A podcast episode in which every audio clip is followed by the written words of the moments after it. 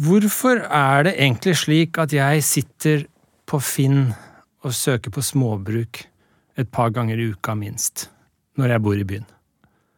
Velkommen til Einar Dønger Bøhns filosofipod.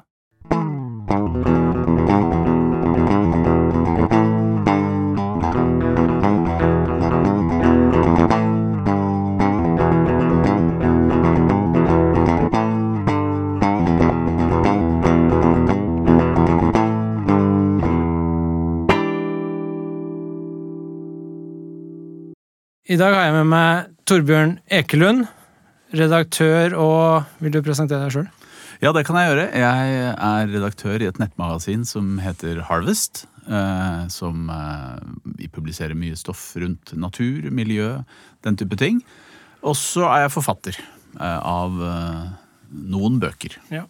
Jeg har lest flere av de, faktisk. Ja, så bra. Jeg har lest Den gutten og fjellet. Ja, Den leste også min sønn når han var sånn 14. hva syns han? Nei, Han elska den. Jeg også Ja, den. så bra, det var veldig kult. kul. Ja. og så leste jeg den om å gå. Ja. Hva heter den? Den heter Stiens historie. Ja. En reise til fotsete. Ja, den leste jeg. Ja. Om å gå. Det var veldig kult. Og så har jeg skrevet en bok til som var den første jeg skrev, som heter År i skogen.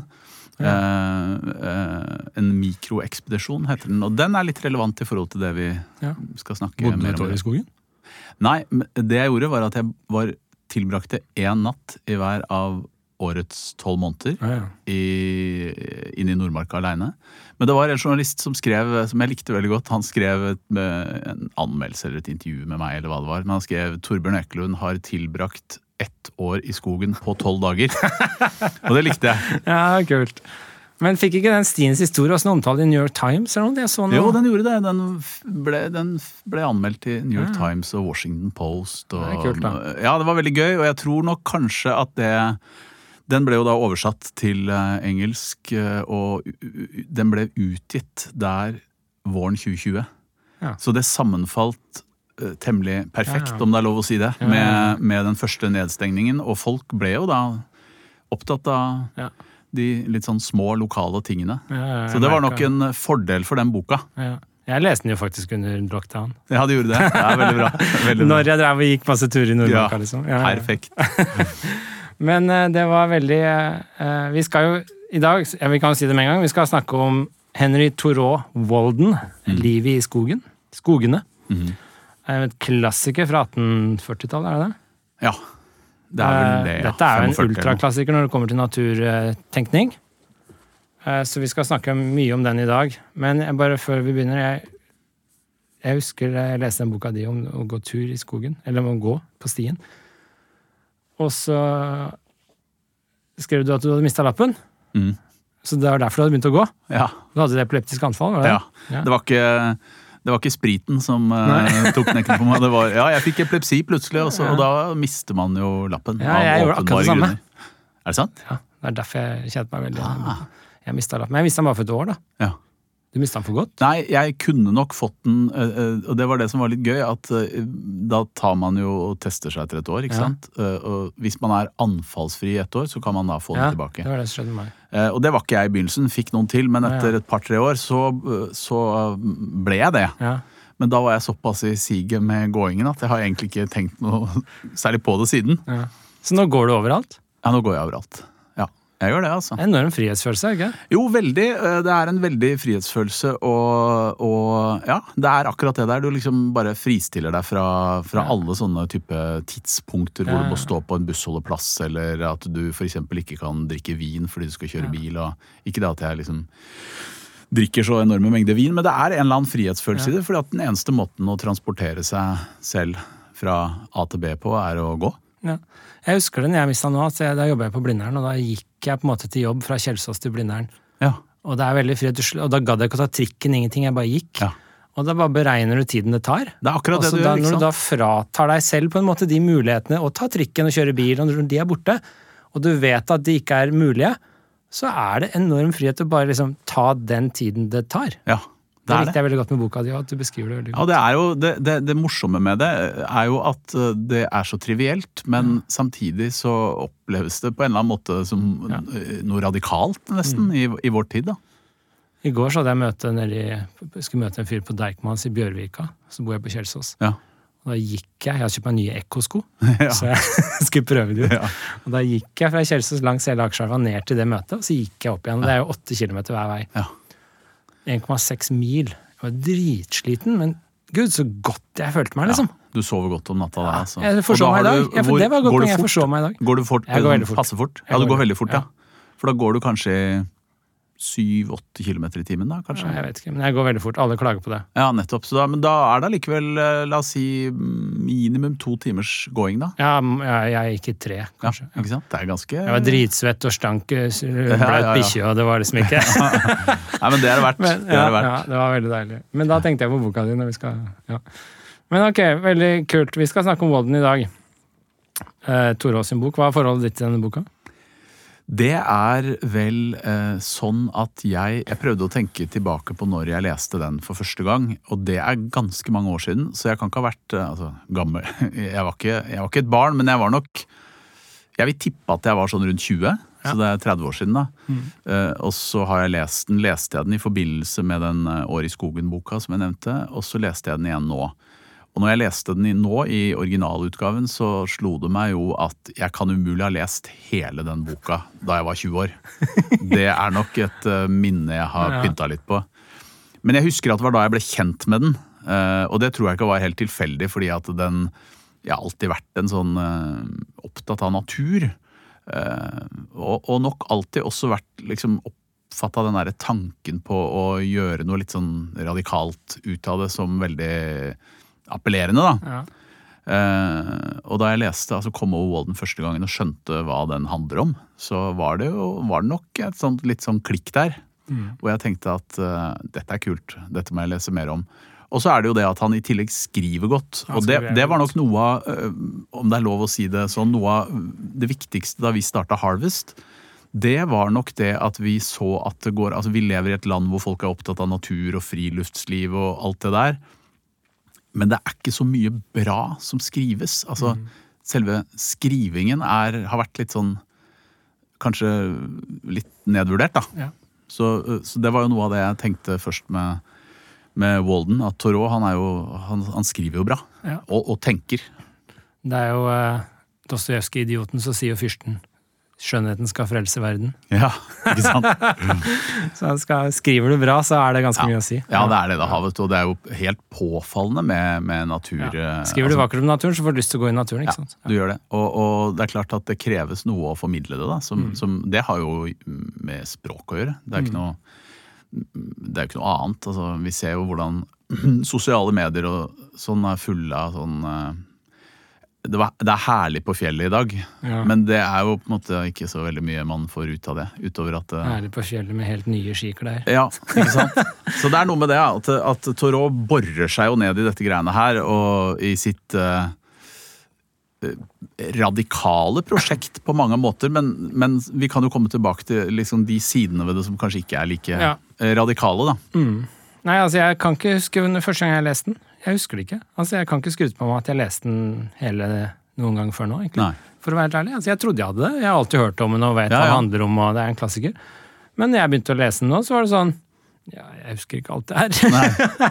Så hva jeg- tenkte du da du da, Jeg ser du har den norske norske Ja, jeg, oversettelsen, den ikke på, jeg har den på engelsk òg, men jeg Ja. leste den her uh, på Pax forlag. Da, Ja, det er den lurt. Nye, nye norske. Uh, og så i tillegg så hørte Jeg kjører mye bil, høres ikke bra ut nå, da, men jeg kjører mye Ja, bil opp og ned det. Sørlandet, så jeg jobber på Sørlandet. Ja, Og da hører jeg litt på lydbøker, så jeg har hørt den på lydbok i tillegg. ja. Så jeg har lest den i, i her, og så har jeg hørt den parallelt på lydbok. Og det er en gammel innspilling fra sånn type 60-70-tallet med ei dame som leser veldig sånn formelt, sånn som NRK Ja. hadde den gang. ja, ja, ja.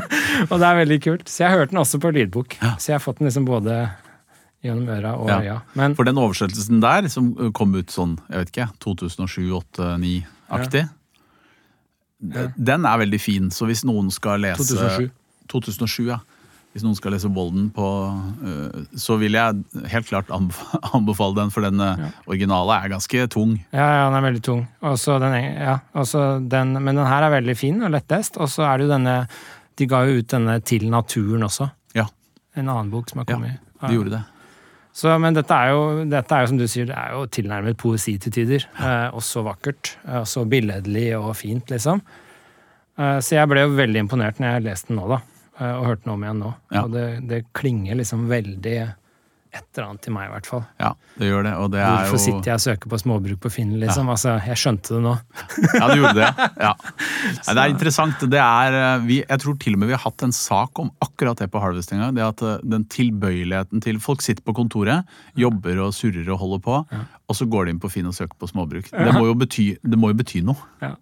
Mitt favorittprogram er jo der ingen kunne tro at noe Ja, ikke sant? Samme her. og det er jo Torå. altså Det er jo Torot. Ja, Rett og Nei, det er veldig fascinerende. Så vi kan jo si litt kjapt bare hva boka handler om, da, for de som ikke har lest den. Dette er jo da Henry Thoreau. Hva var han egentlig? Han var vel ikke Han var vel egentlig ikke noe spesielt, var han det? Nei, han, han, Skrev bare. han tok en utdannelse Jeg lurer på om han eh, studerte ved Oxford eller noe sånt. Men, men han mente det var for dyrt. å betale, måtte betale noe for å få diplom og den type ting, så han uh, bare droppa det. Så han var nok ikke sånn autodidakt, da, langt på vei, men hang jo rundt i, i sånn miljøer med diktere og filosofer. Og Ja, for hele Walden, der han, denne skogen og vannet Walden, da, hvor denne boka handler om, det er jo rett utenfor Cambridge, hvor liksom Harvard og MIT og alle disse store stedene holder til. da. Så det er liksom en av de intellektuelle høyborgene i USA, er jo Boston. Eh, Og han var jo er. helt åpenbart en del av de miljøene der. Ja. Og Emerson, nei, Waldo Emerson er det han heter, han andre. Ja. De var jo kompiser. De var veldig gode han er også en av de store amerikanske naturforfatterne. Mm, han har skrevet masse fint, og han, eh, han var vel litt eldre, men de ble, jeg tror de ble veldig nære venner. Eh, Men så døde han ung, vet jeg. Jeg bare sjekket Han var- han døde av lungebetennelse, ganske ung. ja, og du må se, du må se på Så han var like som meg, derfor jeg sier eh, veldig ung. Ja. Nei, han var, hva var han da? Var han sånn 45-aktig? Ja, han var ikke så gammel. Han var, han var 43 eller noe, tror jeg. Ja, noe sånt. Ja. Men uh, hvis man ser på bilder av han, så uh, tenker man at han kanskje var sånn 98 da han døde, for han ser altså så gammel ut. Her er bildet, og- ja. ja, det bildet der. Ja. Det er ikke en eh, Han ser ikke ut som en 40-åring der. Altså. Nei, han ser ikke ut som en 40-åring i det hele tatt. Han ser ut som Ibsen på slutten. litt sånn, ja, altså litt sånn Abraham Lincoln-skjegg og Ja, veldig. ja, Så ser du at det er en eh, det er en eh, bustete hår. Ambisiøs eh, type, det der. ja. Men det som skjer i boka, er jo at han skriver rett og slett Han flytter ut i skauen, Mm. bygger seg fra scratch ei hytte. Mm. Så han bare går ut i en skog hvor det er ingenting, bygger seg hytte fra det han finner der, og lever der i to år. Mm. Maksimalt simpelt. Mm. Og noe av det han forsøker, noe av eksperimentet er liksom å tilbake til det naturlige og ville og egenrådige, og hvor lite kan jeg leve på Ja. og ha det bra, liksom. Det er prosjektet, og den lille dammen, eller den lille innsjøen, heter jo da Walden, så det er jo, det er jo øh, navnet, eller tittelen på boka. Og jeg tror nok at akkurat det der med hvor lite kan jeg leve på, var veldig sentralt for Thoreau. For at det, han skriver ganske mye om økonomi, rett og slett. Altså han skriver om, eh, om eh, eh, den gryende forbrukskulturen da, som han åpenbart har sett rundt seg, selv om vi er da 160-70 år tilbake i tid. Eh, Så det var nok det, den der friheten det ville medføre å ikke være avhengig av å måtte jobbe. Altså ikke være en lønnsslave, som vi ville sagt i vår tid. Og hvis du ser på der ingen kunne tro at noen kunne bo, så er det det alle sier. De flytta dit fordi de ønska Ja. ikke å sitte på kontor, de ønska ikke å signere papirer lenger, de ville bare være frie. Ikke sant? Ja. Så Walden er jo han som hadde vært et innslag på der ingen kunne tro Eller ikke Walden, men Thoreau er jo han som Han Hadde hatt et innslag der. Definitivt. Og sagt alt det de sier, på en mye vakrere måte. Ja, nei, ingen tvil om, det er det ingen tvil om. Og så er det jo litt morsomt da, at han eh, at det er så lenge siden. Han, han opplevde altså det eh, ubehaget, eller hva man skal kalle det, eh, på et tidspunkt hvor verden tross alt var atskillig mindre hektisk og støyende enn den er i dag. Så veldig mye av det han skriver, kunne jo egentlig vært løfta ut og Ja. Putta inn i en kronikk i Aftenposten og passet helt utmerket på vår egen tid. Og det som er litt sånn interessant her, syns jeg, da, som jeg tenker spørre deg om òg, er liksom det derre litt sånn paradoksale i oss mennesker, i hvert fall noen av oss. Sånn som at det at vi Du bor også i byen, ikke sant? Vi Jeg bor i byen. Vi bor i byen, men så liksom så går vi hele tiden romantiserer og trekkes ut i naturen, Mm. og det ville og primitive. Og så bor vi i byen med smarttelefoner og alt av fasiliteter, altså varmt vann og alt det vi tar for gitt. Og så driver vi hele tiden og vigler mellom disse to ytterpunktene. Mm. Og så finner vi aldri den roen. Jeg gjør i hvert fall ikke det. Jeg sitter hele tiden og drømmer om dette småbruket, men jeg vet også at når jeg, den dagen jeg kjøper dette småbruket, så kommer jeg til å sitte der og ha lyst til å dra inn til byen et par dager i uka. Skjønner du? Altså, jeg blir aldri fornøyd. Nei. Du kommer til å sitte og google leiligheter Hva er greia med det, liksom? Hvorfor kan jeg ikke bare være fornøyd ett av stedene? Nei, det er, det er jo øh, Det har jeg brukt mye tid til å gruble på. Og øh, Torot fremstiller Han er jo veldig selvsikker. Så han skiller seg jo øh, Mitt inntrykk da i hvert fall er, er at han er ganske sånn selvsikker på også at det valget der er det rette. Men jeg leste den boka der på et tidspunkt hvor jeg skrev hovedoppgave på universitetet i idéhistorie om Hamsun. Så jeg var veldig sånn, som veldig mange andre uh, unge Kanskje først og fremst menn. Jeg er veldig opptatt av Marken Skrøde, og så var jeg veldig opptatt av Pan. Og Pan handler jo om en uh, ung løytnant som flytter inn i en hytte Ja, ja, ja. i skogen oppe i Nordland. Eh, Ganske nært et fiskevær, da, hvor det, hvor det da er en uh, datteren til væreieren, Edvarda, som blir hans liksom objekt for hans kjærlighet. Men der skriver Hamsun, uh, som jeg alltid har tenkt ikke er helt tilfeldig, at han skriver at hytten lå i kanten av en skog. Eh, altså midt mellom naturen og kulturen da, og sivilisasjonen. Og, og det eh, Hamsun skildrer, er jo en fyr som er liksom full av tvil og eh, desperasjon, og løper inn i skogen, og så fyker han ned igjen eh, til væreieren og, og Det var jo Hamsun selv òg. Han drev Ja, med disse var jo- småbruka sine, og så klarte han ikke, og så var de tilbake til byen, og så var det Ja, ikke sant? Og han, jeg tror det var, Da han bodde i Nordland selv, så tror jeg nok det var Marie og Ja, ja, ja. andre som drifta det bruket. Men, men der syns jeg Thoreau skiller seg litt for det, eh, ut, fordi at han er så Han er veldig selvsikker på at det han gjør, er det rette. ja. Og det er ikke så mye tvil i, eh, Nei, i volden. Men det som er interessant, er at han gjør det bare i to år. Ja. Og så flytter han tilbake til byen. Og får seg jobb. Så hva er greia? Det, Nei, var, det det, er- er, bare et eksperiment, liksom. Og så, Jeg tror det. og så går han tilbake igjen. Og det ville jo vært artig om han kunne ha skrevet en, eh, en sånn liten Han burde ha skrevet en liten oppsummering sånn ti år seinere. Ja, men da På, jo. på det lille øyeblikket hvor han bestemmer seg da for å, for å flytte tilbake til byen og få seg jobb. Så prosjektet hans, særlig det da med ikke å jobbe, eh, det viser seg jo å ikke helt eh, holde. Jeg ser, Han skriver et sted på side 192 så skriver han, dette er begynnelsen av kapitlet Høyere lover. Så skriver han jo nettopp følgende. Jeg er oppdaget, og erfarer fremdeles, en instinktiv drift i meg mot et høyere, eller som det kalles, åndfullt liv, slik tilfellet er for de fleste mennesker, og samtidig en annen drift mot et ukultivert og frodig villmannsliv. Ja. Og jeg verdsetter begge deler høyt. Jeg elsker det lille høyt, som det edle, like høyt som det edle. Ja, Fint skrevet, da. Det er vakkert. Ja, ja, det er det. Men han har den driften, han òg. Han sliter mellom disse to. Mm. Eh, og det er liksom, sånn jeg ser det, er liksom Det er mennesket, ikke sant. Dyret har jo ikke det. Men vi har denne eh, utrustningen at vi liksom samtidig vil noe mer hele tiden. Ja. og det er jo Det ligger noe i oss, da. En eller annen sånn drift vekk. Og det er klart, for, for 95% av oss så vil jo den handle om eh, driften ut av byen. eh, Ja. Fordi vi bor i byen. Eh, og, og det derre ønsket om å ja, forsvinne ut i villmarka og forlate Forlate sivilisasjonen, da, og, og, og liksom lage seg et nytt liv eh, i naturen. Og, og klare seg som best man kan. Jeg, jeg, det er jo en det er jo en flukt, eh, på et vis. Eh, det sier jo ikke Thoreau, så vidt jeg husker. Han skriver jo ikke det. Jeg har jo alltid tenkt det ofte. Jeg vet ikke om du kjenner til den filmen 'Grizzly Man', den dokumentaren. Ja, jeg så den. Eh, Han blir spist av bjørn. han blir spist av bjørn til slutt, men han flykter jo. Det er jo en ung mann eller, ja, ung mann som, som drar opp i British Columbia, eller hvor det er, så, for, å Alaska, ikke? ja, Alaska er det kanskje, for å leve med uh, grizzlybjørner. Og det gjør han jo hver sommer i mange år. Eh, og så filmer han seg selv og snakker jo til kamera. Og i perioder liksom skjeller ut eh, det siviliserte USA. Og når man hører det, og det gjelder mange sånne bøker synes jeg, som jeg har lest, så merker man jo også at det er en flukt fra noe. Man vil liksom gjerne fremstille den derre det nye livet da, som, eh, som det riktige og rette og forlokkende, mens i realiteten så er det kanskje noen ganger det gamle livet som ikke var så fint. Samme er jo med Into the Wild. Ja.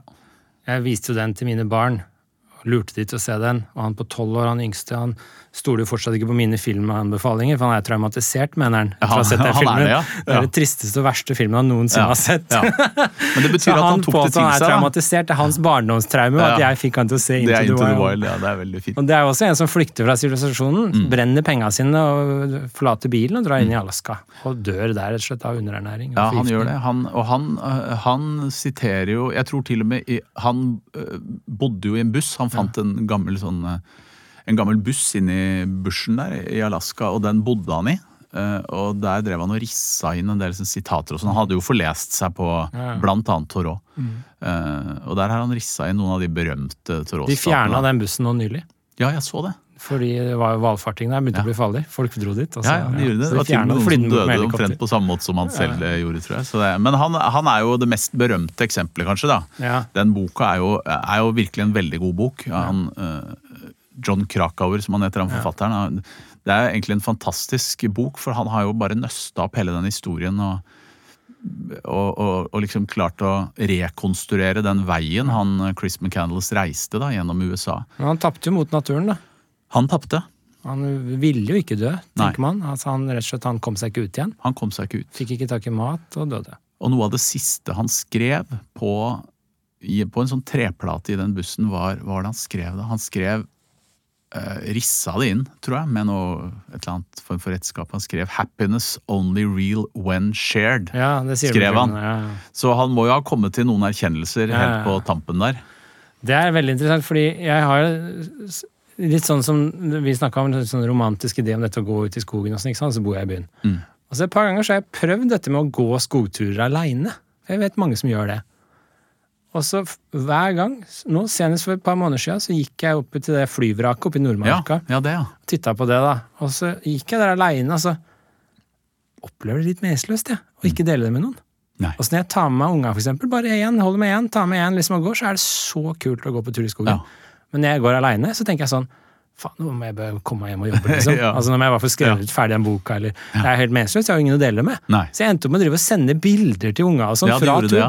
Og så var det sånn, de, det er helt meningsløst, jeg går rundt her og bare venter. Så det er det han skrev, da. At Mm. happiness er liksom shared. Det, det er jo noe sosialt i oss som Ja, det klart det blir det. borte når vi isolerer oss. Ja. Jeg liker jo godt å gå aleine òg. Altså jeg liker begge deler. Det som er spesielt med å gå aleine, er jo at du ikke lager så mye lyd. Ja. Så med fugler og dyr og den type ting, så kan man risikere å støte på noe. Mens hvis man går og skravler, så er det jo i Ja, ja, ja. praksis De har skygga banen lenge før man kommer. Men det er jo to veldig ulike opplevelser, rett og slett. Ja. Så da jeg hadde de tolv overnattingene som jeg skrev om i den boka År i skogen, så var jeg starta i januar, og da var det 22 minusgrader i Nordmarka. Jeg husker det så godt fordi at jeg hadde eh, telt og sovepose og liggeunderlag og den type ting. Altså, jeg har jo vært mye ute i, eh, i naturen, på særlig mye fiske. Jeg er veldig glad i å fiske. Men, men jeg hadde aldri overnatta aleine i 22 minus i januar, hvor det blir, det blir mørkt ti over fire. Så jeg labba opp på formiddagen og skjønte jo ganske raskt at det eneste jeg nå Altså Det jeg må gjøre nå før det blir mørkt, er å finne ved og sette opp uh, telt og den type ting. Jeg kan ikke drive med noe sånn slendrian. Uh, og så gjorde jeg det, og fyrte et bål, men på et tidspunkt så måtte jeg gå inn i teltet og legge meg, og det er jo da blir mørkt klokka fire, så jeg la meg, jeg tror jeg la meg ja, åtte, kanskje. Halv åtte. Sto opp med sola, eller? ja, ja, nei, jeg eh, sto opp mye tidligere, for at jeg, jeg tror jeg våkna Jeg tror jeg sto opp halv fem eller noe sånt. Men det var altså så kaldt Ja. og under, det var en underlig opplevelse. Helt stille. Det er jo ingen som altså noen, det, er jo ikke, det var jo ikke fullt av folk på en mandag i januar i, i Nordmarka. Men en veldig, veldig annerledes opplevelse, da. Ja, den stillheten er jo helt uvurderlig. Men poenget er at jeg er litt sånn skvetten og redd. Så jeg blir så nær og Ja. hører en lyd, bare faen, Ja, det, det, det var liksom. nemlig Og, det, og det, var, det var jeg òg. Eller jeg tenkte eh, Og så prøvde jeg liksom å si til meg selv at av alle steder i verden du kunne vært nå som ikke er farlige, bortsett fra at du muligens kan fryse i hjel, så er det dette stedet. Det er ikke liksom øksemordere og Nei, sånn type folk Men det er den der muligheten, vet du. Ja, det er akkurat Den det der, og det er mørkt. Du er, ikke sant? Og du føler deg heller ikke så kompetent, ikke sant? Du føler at her er jeg litt sånn, nå er jeg litt ute å kjøre. Hvis det nå skulle komme en sånn eh, ja, en øksemorder som er god til å løpe på truger, så vi, la, vi la oss i teltet oppe i, i Nordmarka under lockdown i fjor, og da Det var påsketider, det var snø ved siden av teltet, og søstera mi og dattera, og jeg og tre unger. mm, Og da var det sånn to-tre telt, ikke sant, og så Det var jævlig kaldt. Ja. Altså det var sånn her, Du lå om natta og tenkte sånn, overlever jeg det her? Ja. Altså Jeg kjenner det i beinmargen. ja. Men da er vi liksom sammen mange, og da er det helt topp, syns jeg. Å være der ute og lage bål og koke kakao og kaffe. Og, og morgenen stå opp liksom isende kaldt. Da er kulda nesten bare interessant. Den er det, vet du. Da, Men aleine, da blir jeg liksom Jeg har jo ingen å dele med. nei. Det er det jeg ikke skjønner. Så jeg tror det er en interessant forskjell da, hvis du liker å gjøre det aleine. Og jeg liker Jeg, Jeg liker begge deler, men jeg, jeg liker litt det å gjøre det aleine fordi det føles så annerledes. Ja. Um, men jeg tror nok det har Og det er jo det interessante i forhold til Walden og det å bo aleine, sånn småbrukdrømmen, da. At uh, man har jo overhodet ikke peiling på hvordan man ville liksom respondert på det. Uh, verken emosjonelt eller mentalt etter uh, en liten stund. Jeg har jo hørt om mange som har hatt sånn jeg skal, bo, jeg skal være aleine på hytta i 14 dager nå på fjellet. Det blir deilig, kom vekk fra ungen, og jeg skal Ja. Skrive litt. Og sånn, og så har de kommet tilbake etter to dager. Ja, ja. Desperat etter å komme seg Jeg har funnet den magiske grensa, for jeg reiser mye da opp og ned Sørlandet. Vi har et hus i Lillesand, for jeg jobber på Sørlandet, så vi har et hus der, og da er jeg mye aleine, ikke sant. Og da er jeg sånn to dager aleine, og det digger jeg. Da jobber jeg som en gærning i to dager, og så drar jeg hjem. Mm.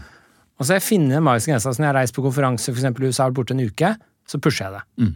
Og så var jeg tre uker på en sommerskole en gang i USA. Det det er jeg for gammel til nå. det blir for lenge, liksom. Ja. Altså, så jeg, jeg, min magiske grense er sånn tre-fire dager klarer jeg. Ja, Men da er det på tide å liksom samle flokken igjen. komme seg tilbake. Ja, Jeg tror jeg har noe, noe av det samme. Men mange ville nok da sagt, og jeg tror, jeg lurer på om Lars Monsen sier det et eller annet sted, at du, det, du kommer til et punkt hvor du får lyst til å dra hjem. Jeg vet ikke om han får lyst til det, det er mulig han ikke får lyst til det i det hele tatt. Men, men så lenge du liksom holder ut litt til, så bikker du over i Ja, ja, en annen hørt. tilstand, ja, da. Det har jeg også hørt. Eh, Og det er da det liksom opplever det store. Det er da det begynner å virkelig svinge. Det, hva vet jeg, jeg har, aldri, jeg har aldri prøvd det før, men jeg har jo mange ganger tenkt at det må jeg nesten gjøre før jeg dør. Altså. Ha en sånn 14 dager aleine i koie. Det må, jeg må begynne å øve meg, kjenner jeg, når du sier sånn. Ja, fordi jeg hadde nemlig, og det, det, det var epilepsien igjen da, som ødela for, men jeg skulle for en, ja, fem år siden eller sånn, da blir det vel, jeg skulle egentlig skrive en bok om villmark.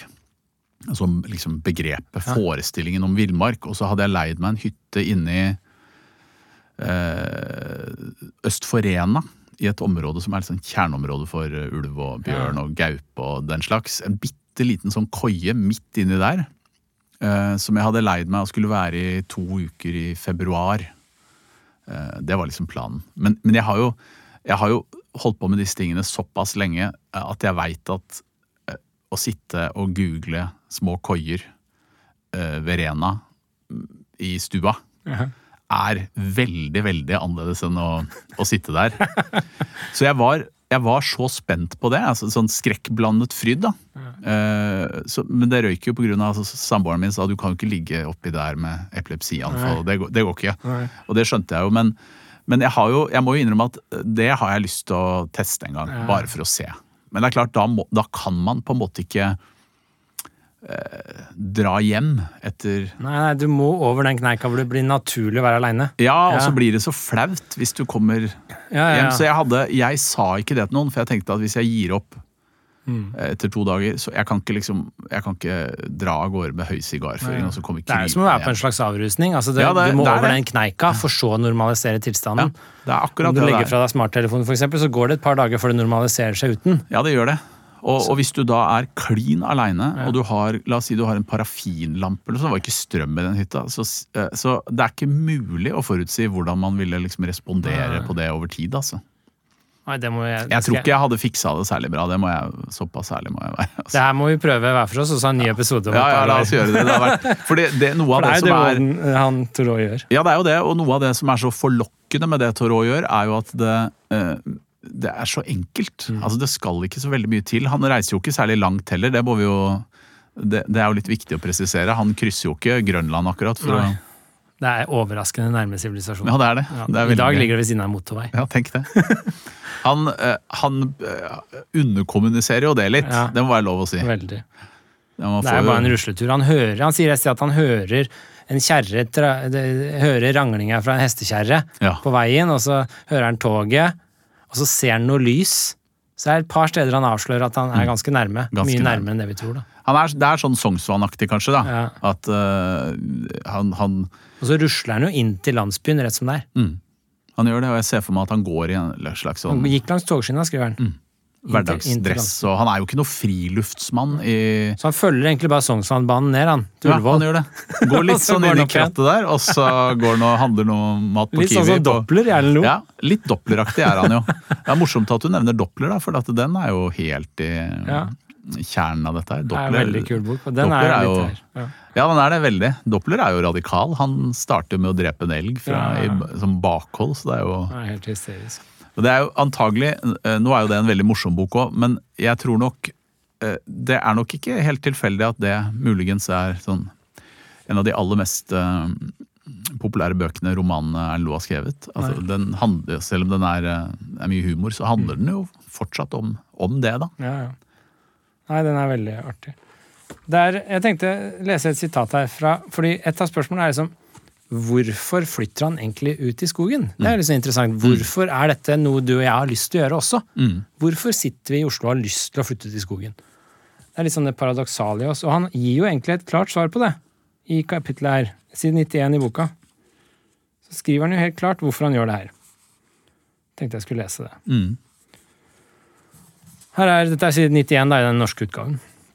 Så sier han Jeg bega meg til skogene fordi jeg ønsker å leve et liv i frihet og ettertanke, for å bli konfrontert med livets essensielle kjensgjerninger, og se om jeg ikke kunne lære hva det hadde å lære meg, så jeg ikke ved livets slutt skulle oppdage at jeg egentlig ikke hadde vært i live. Mm.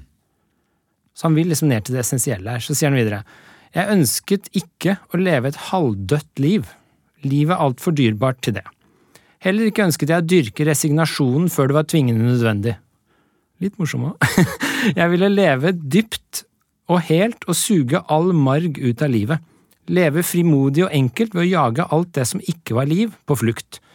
Ved å skjære en bred skåre og la ljåen gå så dypt som mulig. Og trenge livet opp i et hjørne og redusere det til dets mest nakne form. Hvis livet da viste seg å bli tomt og uskyldt, ville jeg trenge til bunns i dess uforfalskede usselhet og formidle det til all verden.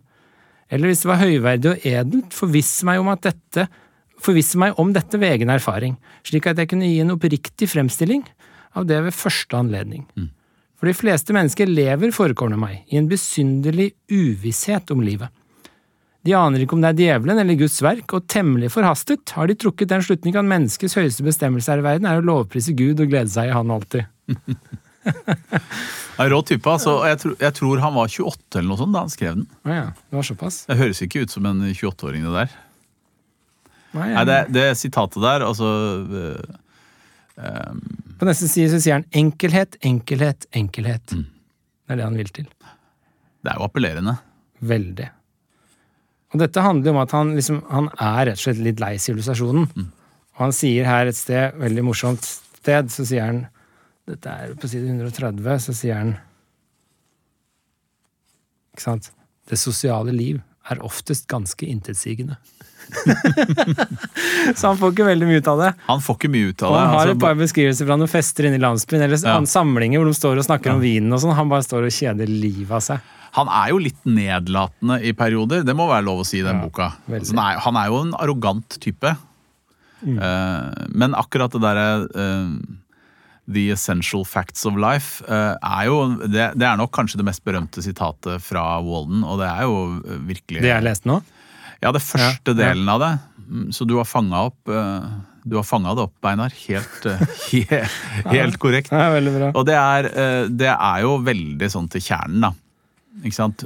Ja, for det treffer så til de grader. Det er jo derfor vi vil liksom ned på et småbruk også. Du vil se, jeg tror han sier et annet sted at det er det er kun det essensielt og nødvendige ved livet som har varig verdi. Mm. Alt annet er bare fluff. Det er bare brød og sirkus. Ja. Det er bare tull, egentlig. ja.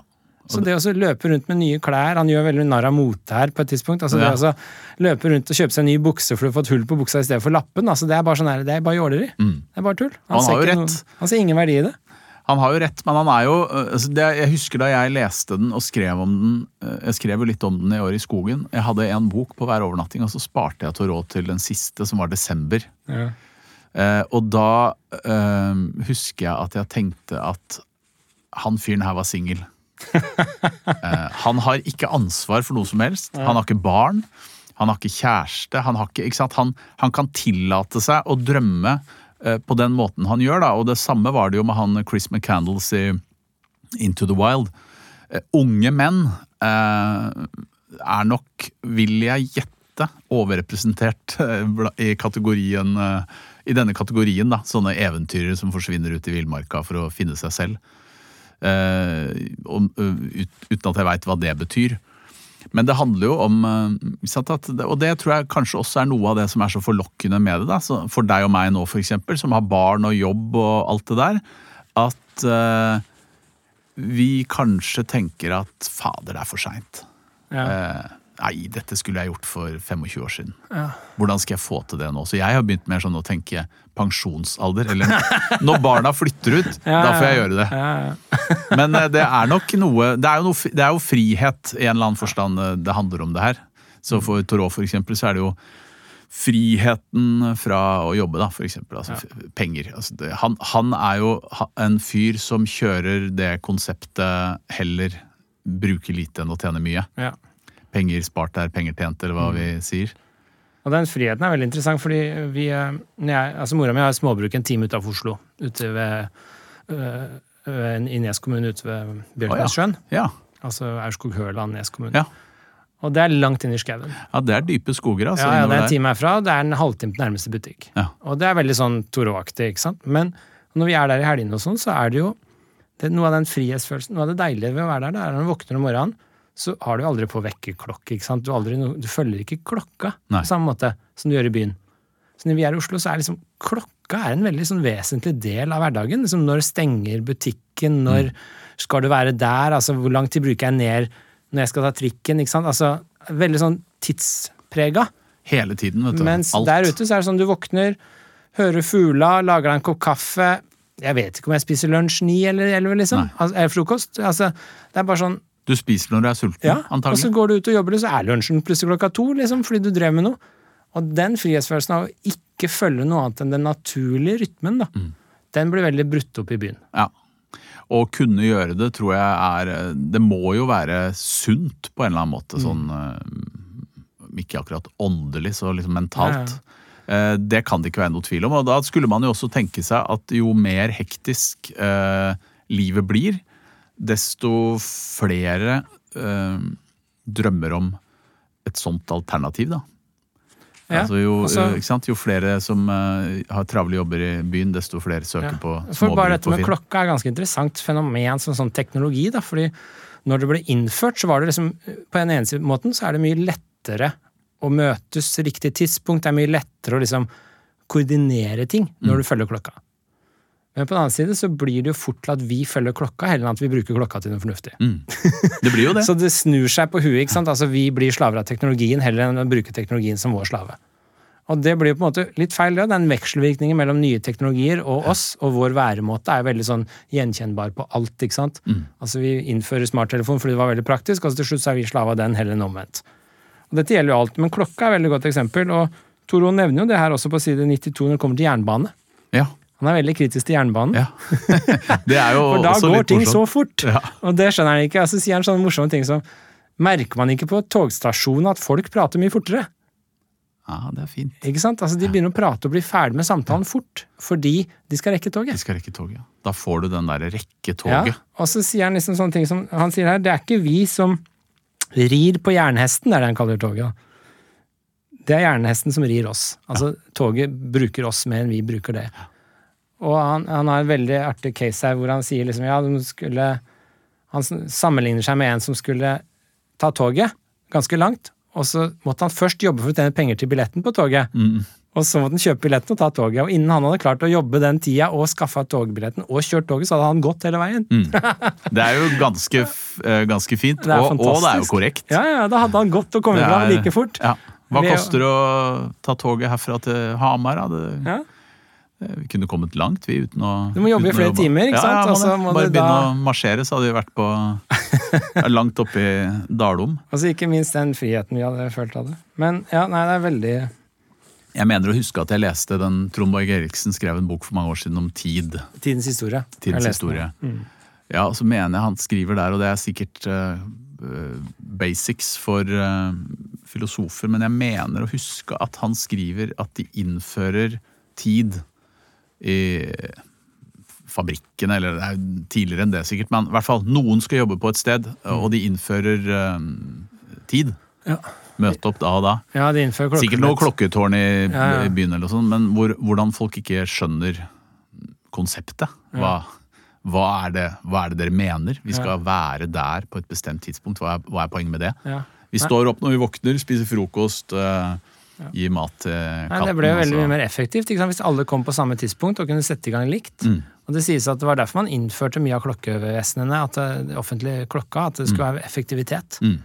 At folk skulle komme likt, de skulle møtes likt, komme på jobb likt, komme i fabrikkene likt. Og vekkerklokka leste jeg litt om også. altså Det er jo fantastisk unaturlig å bli vekt av en vekkerklokke. Ja. Ja, Det Altså, merker man jo hver morgen. Det er jo, helt jævlig. altså Jeg bruker ikke vekkerklokke, men vanlige folk bruker det. Og det er helt grusomt, fordi du blir jo rystet. Det sies at kroppen er rysta etter å bli vekt kunstig. Mm. Eh, Og det er jo også bare sånn fordi vi skal liksom Vi har begynt å innrette oss etter klokkevesenet Ja. heller enn bruke klokkevesenet til noe fornuftig. ja, nei, det merker man jo på kroppen, at dette er, eh, dette er feil. Ja. Det er, ikke, det er ikke bra. Og mye av dette, ja. Men en annen artig ting med denne boka, er jo, som er sånn gjenganger i mye filosofi, hvis du leser liksom Nietzsche, du leser Kirkegård, du leser Thoreau, så er det Nietzsche var forresten fan av Thoreau. Han var det, ja. Ja, og Walden Emerson. ja. Waldo Emerson. Waldo Emerson, ja. Men så når du da leser disse, så er det jo De hater nyheter. Det syns jeg er veldig morsomt. Mm. De hater nyheter og media. Og de disser det så til de grader. Og det gjør jo Toro også. Ja, på en helt elegant måte. Han eh, skriver måte. liksom at å gå inn til landsbyen Han føler han går inn i en nyhetsstasjon, er det han kaller det. Altså, det alt bare dreier seg om nyheter. Skal få nytt, nytt, nytt. Mm. Og telegrafkontoret var helt rent ned av folk som skulle ha internasjonale nyheter. Han skjønte ikke hva de skulle med det. Ja, han skriver kjempefint om det. Det er helt fantastisk. Altså denne nyhetsjaget, da. Og han, han skjønner liksom ikke Han sier her jeg er sikker på jeg aldri har lest en nyhet i noen avis som fortjente å bli husket.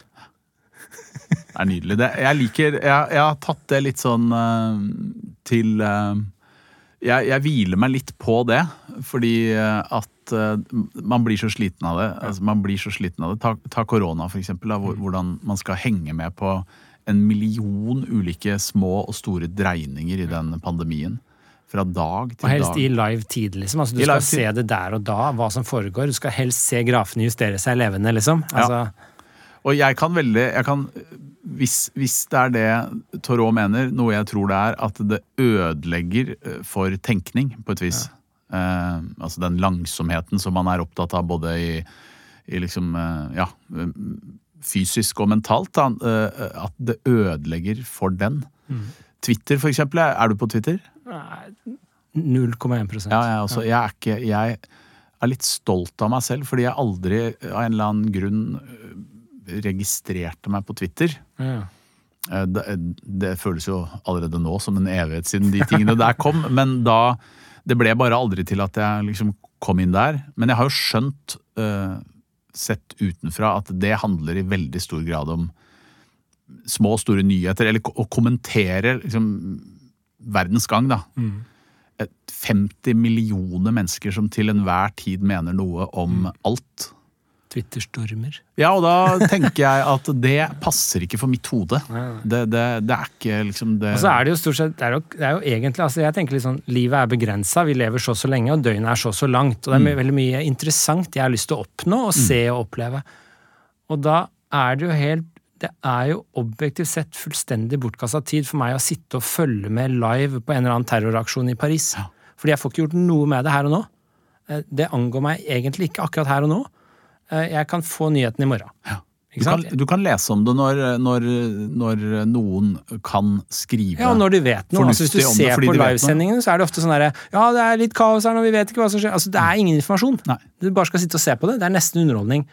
Og det er jo helt, helt bortkasta. Så når en avis sier 'vi er først på nyheten', så er det ikke det et godt tegn. Nei. Det er et veldig dårlig tegn. For da har du veldig lite reflektert over det du er først på. Jeg vil Jeg heller lese Fredagsavisen når de har oppsummert, liksom. Ja. Jeg husker det så godt fra 22. juli. eh, Da alt det forferdelige skjedde, så husker jeg jobba mange år som forlagsredaktør også. Sånn at jeg var litt inne i den verden. Og så husker jeg at jeg tror alle forlag i Norge tenkte med en gang vi må være først ute med en bok om 22. juli. Ja. Og så husker jeg at jeg satt og, og leste om det, og så tenkte jeg men, men det er jo Her er det jo om å gjøre å være sist ute. Hvis Ja. du skal si noe Hvis du skal si noe om det som skjedde, så du kan jo ikke markedsføre en bok om 22. juli og si at det var den første som kom, for det er jo egentlig ensbetydende med at det er den som inneholder minst eh, færrest erkjennelser, eller, Ja, eller dårlig, dårligst analyser, eller flest feil. Eh, Så det har blitt sånn. Det er pussig. Jeg tror heldigvis til eh, takket være folket at de bøkene solgte veldig lite, og så kom det eh, andre og bedre bøker to og tre og fire år seinere som, eh, Ja. som var kjempebra. Men det er jo veldig sånn å snu litt på liksom, tenkningen. Han sier sånn som man kan lese om eksempel at en ku ble kjørt over på Western Railroad, en gal hund ble slått i hjel. Kan lese sånn i nyhetene. Eller at en gresshoppesverm er blitt sendt, sett midt på vinteren. Du kan lese det, så sier han, så behøver vi ikke, hvis vi har lest det én gang, så behøver vi ikke å lese det en gang til. Nei. En gang til. Han sier det kan greie seg med den ene gangen. Når du kjenner prinsippet, hva skal du så med mylder av eksempler som belyser det i praksis? Ja. Det er jo helt fantastisk. Ja, det er det. Det er nydelig. Du skal se liksom denne ene reportasjen som bare gjentar samme poeng 100 ganger. Er, Mm. Det er bare det er meningsløs underholdning. Han var hard på, altså han var streng med seg selv, eller kanskje ikke streng med seg selv heller. Altså han var bare flink til å gjennomføre uh, et prosjekt som åpenbart var veldig sånn eh, Kjentes veldig viktig for han. For vi fyker jo f.eks. alle rundt og tenker vi skal lese, være mindre på mobilen, eh, færre, eh, færre nettaviser.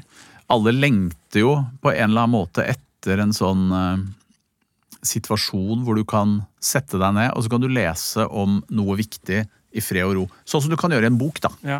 Bøkene er jo sånn, de er jo ikke noe Altså, de er jo analoge. Men han gjorde noe med det, selv i en tid hvor det ikke egentlig var noe Ja. altså, Det var jo sammenligna med nå så stille og fredelig at eh, Ja, nei, Det er veldig morsomt å se liksom akkurat de samme poengene han klager på, er de jeg egentlig klager på i dag. Ja. Og så er det bare ti ganger verre i dag. ja. Det er deprimerende på en måte, for det har ikke vært noe fremskritt.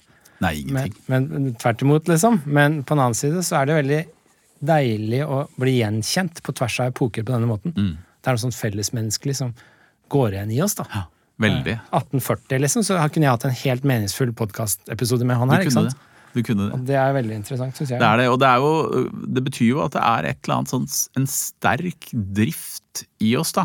Eh, vekk fra eh, støyen og travelheten og all den orden som fins i som fins i, i en by. Altså Det er kaos, men det er, det er menneskeskapt, så det, liksom en, det ligger en tanke bak. Og det er jo noe av det jeg både når jeg er aleine, men også sammen med andre, men kanskje først og fremst når jeg er aleine sånn i skauen og holder på, så er det jo noe av det derre det vilkårlige og tilfeldige og liksom en, en, et landskap og en verden som, som bare er skapt av is og grus og stein, hvor det ikke ligger noe vilje bak, eller det er liksom ikke noe eh, det, det er på en måte Jeg tror mange forbinder nok eh, naturen med noe godt på et eller annet vis. Nord, nordmenn tror jeg gjør det.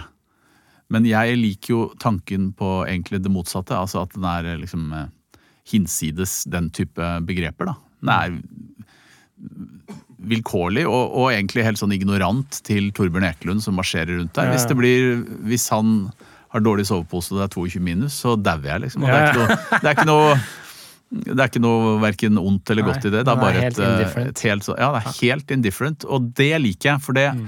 er noen ganger uh, at jeg tenker at det er det eneste stedet i liksom verden hvor man kan tenke akkurat det.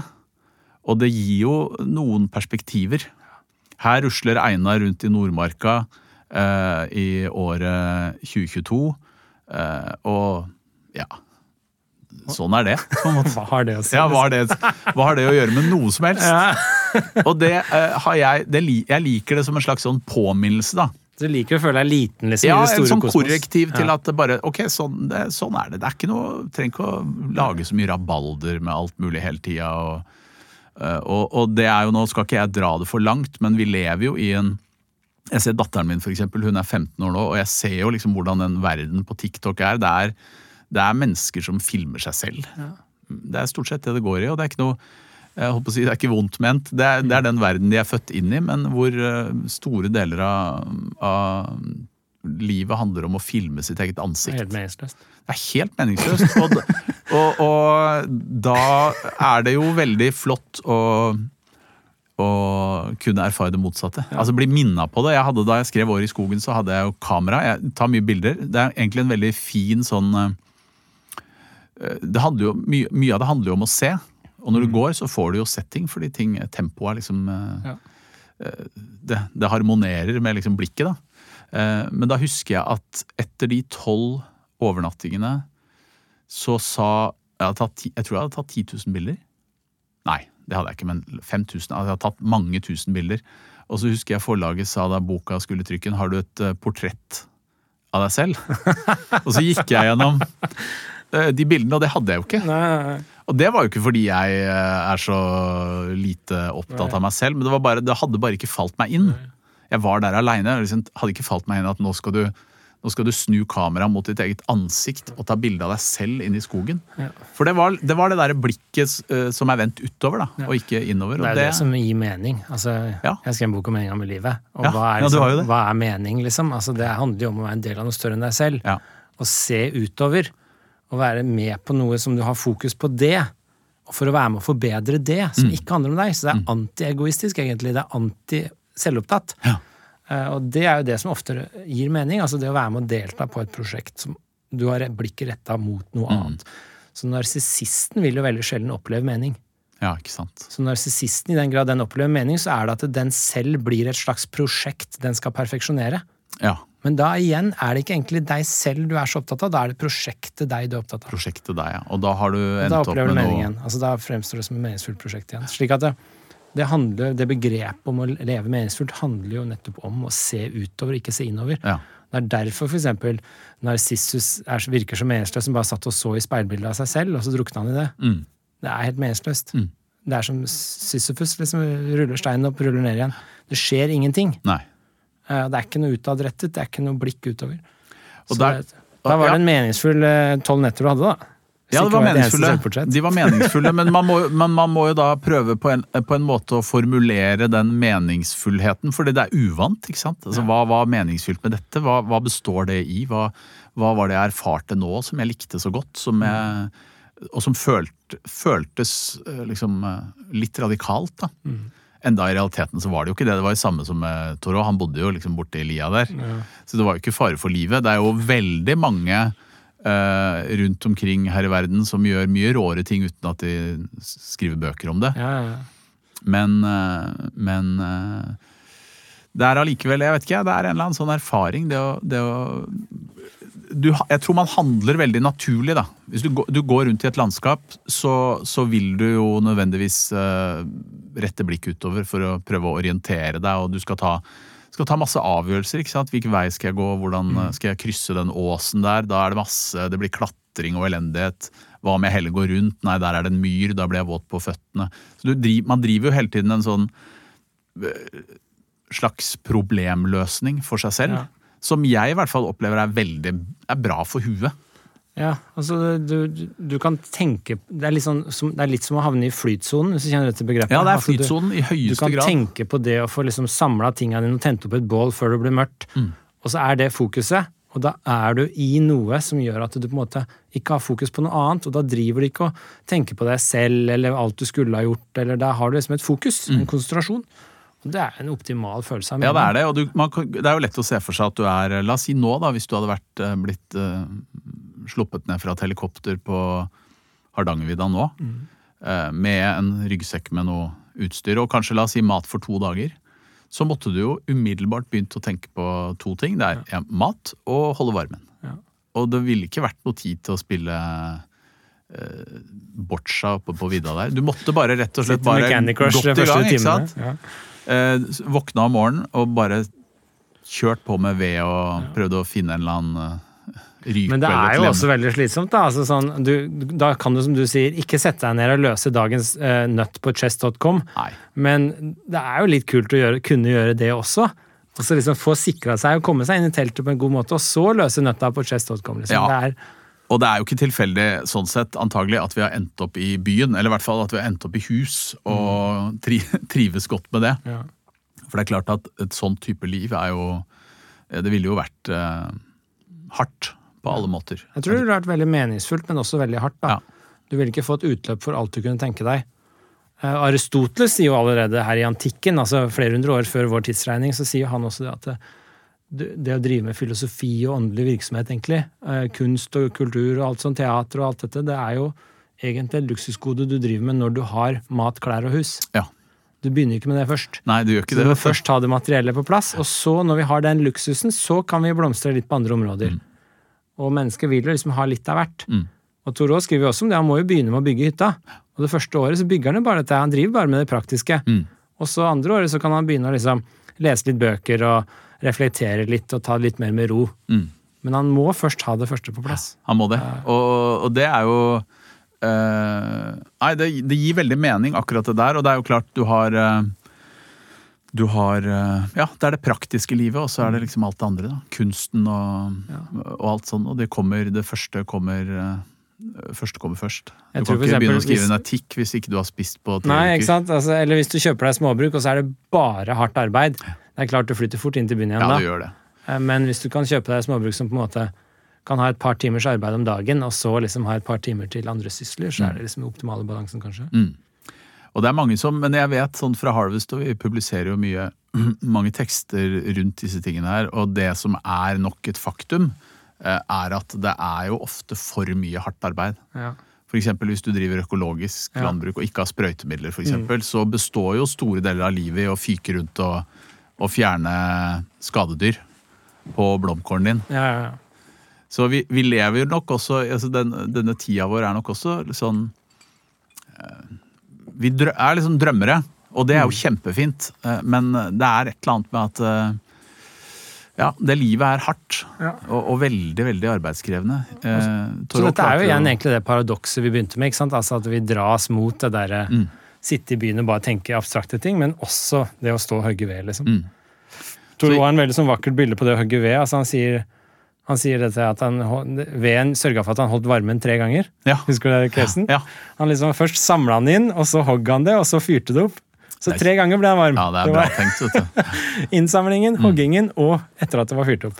Han kunne spart, hvis han hadde fordelt det da over tre dager, Ja, så hadde han uh, ja, ja. klart seg veldig fint. Og det syns han var fantastisk. Og jeg, det var, jeg er veldig glad i treverk. Altså dette med møbler av tre, ting av treverk, kopper av treverk. Spikke en kopp. veldig sånn, Det håndlagde treverket da, syns jeg er helt fantastisk. Og det skriver han veldig vakkert om også. Han sier liksom det å gå forbi en vedhaug. Du går ikke forbi en vedhaug uanfektet. Nei.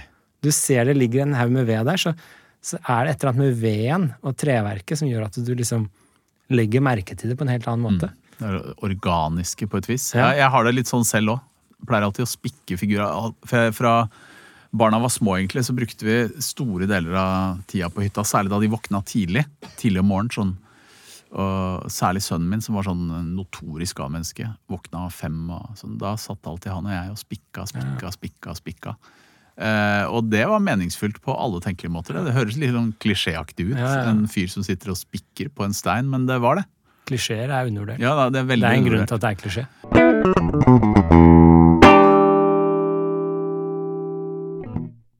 Men vi er jo, ikke sant, og vi er jo, det er jo også interessant fordi uh, vi, Norge er nok uh, Jeg har merka det veldig med når de bøkene mine har kommet ut i USA, at de, det er to ganske ulike sånn, naturoppfatninger Ja. som, eh, som eh, regjerer. Og den norske er jo veldig Den er mye mer knytta til sånn eh, prestasjoner, vil jeg si. Altså, og det kan godt hende vi har en slags arven fra Nansen og Amundsen og sånn. Jeg Ja, vet det at vi skal gå på fjelltopper, vi skal Ja. gå ja. Ikke sant? Sånn som toppturer nå, for eksempel. Toppturer, det er, jeg tror til og med det finnes noen egne sånne apper hvor du kan liksom taste inn, Ja, registrere toppturer. Ja. Så det blir, eh, det blir liksom gymnastikk, da, på et vis. Mm. Arne Næss var jo annerledes.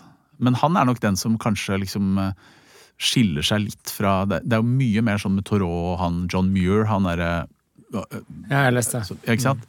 De er mye, mye mer eh, opptatt av små ting, og, og mye mer sånn filosofisk eh, måte å se naturen på, da. Mye mer estetisk. Mens vi har det derre litt sånn eh, oransje skalljakke og dundra går inn i skauen og, Jeg merka det når jeg skulle gå den turen her, de turene jeg har prøvd å gå alene i Nordmarka. Jeg, jeg går inn til flyvraket, eksempel. Ja. Hvorfor gjør jeg det? Da har jeg et mål. ja. Ikke sant? Jeg går med et mål i sikte, og hvis jeg bare skulle gå på måfå, så hadde jeg opplevd det som enda mer meningsløst. Mm. Hvis jeg går aleine på måfå, da hadde jeg følt jeg kasta bort tid. ja. Men jeg gikk til flyvraket sånn jeg skal se flyvraket. Og da var målet nådd. Mm. Og da kunne du gå tilbake. Ja, da kunne jeg gå tilbake. Ja. Mission completed. Ja. Nei, jeg har det litt motsatt. Jeg liker den derre å gå, gå i sirkler. Ja. Den absolutt meningsløse Du liker sånn sisyfusarbeid i naturen, du. Ja, jeg gjør litt det.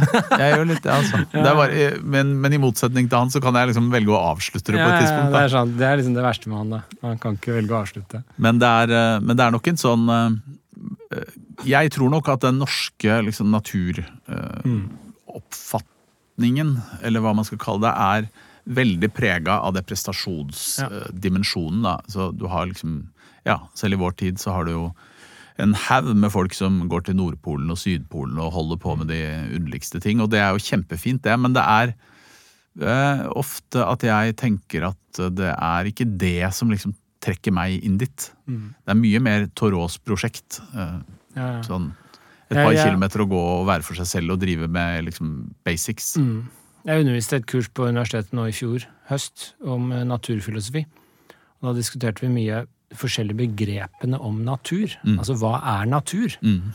Og spesielt det amerikanske begrepet wilderness. Så jeg vet ikke om du har lest Nash, for eksempel. Jo, den har jeg lest. Det er en kjempefin bok. Og litt sånn historie om begrepet wilderness, da, hvor det kommer fra. og liksom Før så så man jo på villmark, eller uberørt natur. Det er ikke noe god oversettelse egentlig av wilderness på norsk, men det er liksom litt sånn uberørt natur, kanskje, som er det beste. Eh, At man mener liksom denne naturen som er uberørt av oss mennesker, den ville naturen. Og det så man jo på før i tida som noe farlig. Altså Det var jo det vi skulle på en måte Det var livsfarlig å drive og gå ut i villmarka. Mm. Så var det et eller annet sånn rundt type 1800-tallet, 1700-1800-tallet, hvor du liksom begynte å romantisere litt denne naturen, og du fikk landskapsmalerier som liksom gjorde det som skjønn, blendende, sublimt og vakkert natur. Isedal for eksempel, i Norge, da, som maler svære landskapsmalerier som er helt fantastiske. Og da begynte du å betrakte naturen, ikke sant. Eh, Men det er ganske flere forskjellige begreper av natur som er ganske interessant. Altså, gamle fra Aristoteles er jo dette at på den ene siden så har du det han kaller fysis, som er liksom det, det, det, det som styres av egne iboende prinsipper. Så det er sånn som en plante. Den vokser og forfaller på egne prinsipper. Eh, mens, eller et tre, da, et eiketre. En eik den vokser og forfaller på egne prinsipper. Hvis vi hogger det ned og lager en seng av eik, så har ikke den senga noen egne prinsipper den vokser og forfaller på. Nei. Så i den grad den råtner, da, så er det eikas prinsipper som råtner, ikke senga. Ja. Og det skiller liksom natur fra kultur, på en måte. ja. Altså Det er det han skiller mellom fysisk og tekne. Det gir jo veldig mening. Det gir veldig mening. Og det er liksom den der naturen som vokser på egne prinsipper, er liksom den uberørte. Og så er det den vi har påvirka. Så når Mm. du går i skogen, og så ser du trærne, så er det fysisk. Og så når du ser en hytte lagd av de trærne, så er det tekne. Ja. Det er liksom kultur, egentlig. Hvordan skiller det, det amerikanske begrepet seg fra dette, da? Nei, altså jeg er litt usikker på dette med wilderness, men det er jo liksom da ment Altså jeg tenker på det litt sånn som i disse baner, at wilderness er litt den uberørte naturen. Og så har du han derre McGibben, jeg vet ikke om du har lest den, After Nature, eller hva heter den boka? Jo, han har til og med skrevet forord i den Thoreau-utgaven jeg har Ja, herfra. for han har en bok som heter liksom dette The End of Nature, heter den. Ja, det er det den Eh, heter. og han har jo dette begrepet med at det fins ikke lenger noe uberørt natur pga. klimaforandringer som er Mm. menneskeskapt. Så mener han at det da, på det dypeste hav og de indre skogene, så er det allerede påvirka med klimaforandringer fra Mm. oss. Og da er det ingenting som er uberørt av oss lenger. Så det begrepet nature eller wilderness, det fins ikke lenger. Mm. Nå er alt bare kultur, egentlig. Alt er kultur, ja. Eh, Men dette er en gradsforskjell, antageligvis. ikke sant? Altså, Det bør ikke dra det så langt. Altså, Det er jo noe i indre Amazonas som er relativt uberørt. Ja, og i hvert fall sånn som jeg alltid har tenkt på det, så, så har jeg jo tenkt at det er eh, Altså det er jo da uberørt i en slags sånn teoretisk Det er berørt i en teore, teoretisk forstand, men det er jo ikke liksom påvirket aktivt Nei. av eh, enkeltmennesker eller Nei, nei, så det er indirekte påvirka av våre handlinger. ikke sant? At Ja. det, artene dør ut, eller at eh, klimaet forandrer seg så Mm. de dør ut. Så sånn sett så er det jo en gradsforskjell men det er ingenting som er fullstendig uberørt. Nei. ikke sant? Alt er berørt på en eller annen måte. Så det måte. er en idé, rett og slett, uh, langt, langt på vei. Ja, altså Nature eller wilderness det fins ikke lenger, da, ifølge denne tanken. Eh, Men hvis du tenker litt mer sånn som Aristoteles, så tenker du at det fins jo ting som vokser og forfaller på egne prinsipper. Ja. Og det er fortsatt natur. Der kjenner jeg at jeg hekter meg på Aristoteles. Ja, jeg også liker Ja, Aristoteles det, best, det gir veldig mening, og da kan du også brekke det ned til sånn som, som jeg tror, i hvert fall for min egen del, og de aller fleste andres, er eh, et problem da i vår tid i forhold til klimakrisen og sånn, er at det er så teoretisk, det er så vanskelig å liksom begripe det. Du klarer ikke å få Klarer liksom ikke å Ok, du kan kildesortere og, og gå til jobben og sånn, men du det er vanskelig å koble det til, til så store sammenhenger. Men det derre treet som blir til en stol, eh, eller treet som vokser og dør på sine egne premisser, det appellerer veldig til meg. For jeg kan få litt sånn Jeg har en, en eikenøtt som jeg plukka i, i høst. Og som nå ligger i kjøleskapet, for det er sånn man gjør det. Altså, de, de er jo da, For at de skal spire, så må de kjøles ned. Eh, det kalles noe, jeg husker ikke i farta hva det er. Det, det, det prinsippet. Men sånne ting kan jeg digge. Der ligger den eikenøtta. Ja, skal du plante eiketre et sted? Ja, Ja. der ligger den. Altså, det høres jo litt koko ut, men nå ligger den i kjøleskapet. Eh, og så sammen med ketsjup og sennep og den type ting. Og så til våren så kommer det da en grønn spire, forhåpentligvis. Og så planter jeg den, og så begynner et eiketre å vokse, som da, hvis eh, ting går etter planen, kommer til å stå der 400 år etter at jeg Ja, daua. Vi var og så den der eh, Mollestad-eika, har du sett den? Eh, nei, jeg har bare hørt om den. Det er jo nede ved Lillesand der, ikke sant? Ja. Det er jo Norges eldste, den er 1000 år gammel. Det er helt Tenk det. fantastisk. Det er en det. gigantisk organisme. Den er kjempebrei. Mm. Og det er jo et mikrosystem inni der med insekter. Det er jo Det er mange det hundre arter. altså Det er mange nivå på treet da, eh, som er helt fantastisk. Og den begynte jo å spire når slaget på Stiklestad sto. Liksom. på det. Og den står der fortsatt. Det er jo ikke noe altså det, det gir jo noen perspektiver. Og det, det var eikeskoger i Norge for 1000 år siden. Ja, det det fins ikke lenger. De hogde jo masse, og det var jo mye nedover Sørlandet og langs, altså fra Oslo og sørover. De hogde det jo mye til skipsindustrien og sånn. Og, de, og det er jo et problem selvfølgelig når de bruker så lang tid på Altså de, de vokser så sakte. Mm. Jeg leste et, men det var om en alm. Det, det tror jeg var alm, men jeg leste, skrev en sak om det. Jeg blir så, jeg blir så liksom fascinert av sånne mikrohistorier. Men der var det en, en bille, eremittbillen, som ikke var observert i Norge på 100 år, tror jeg.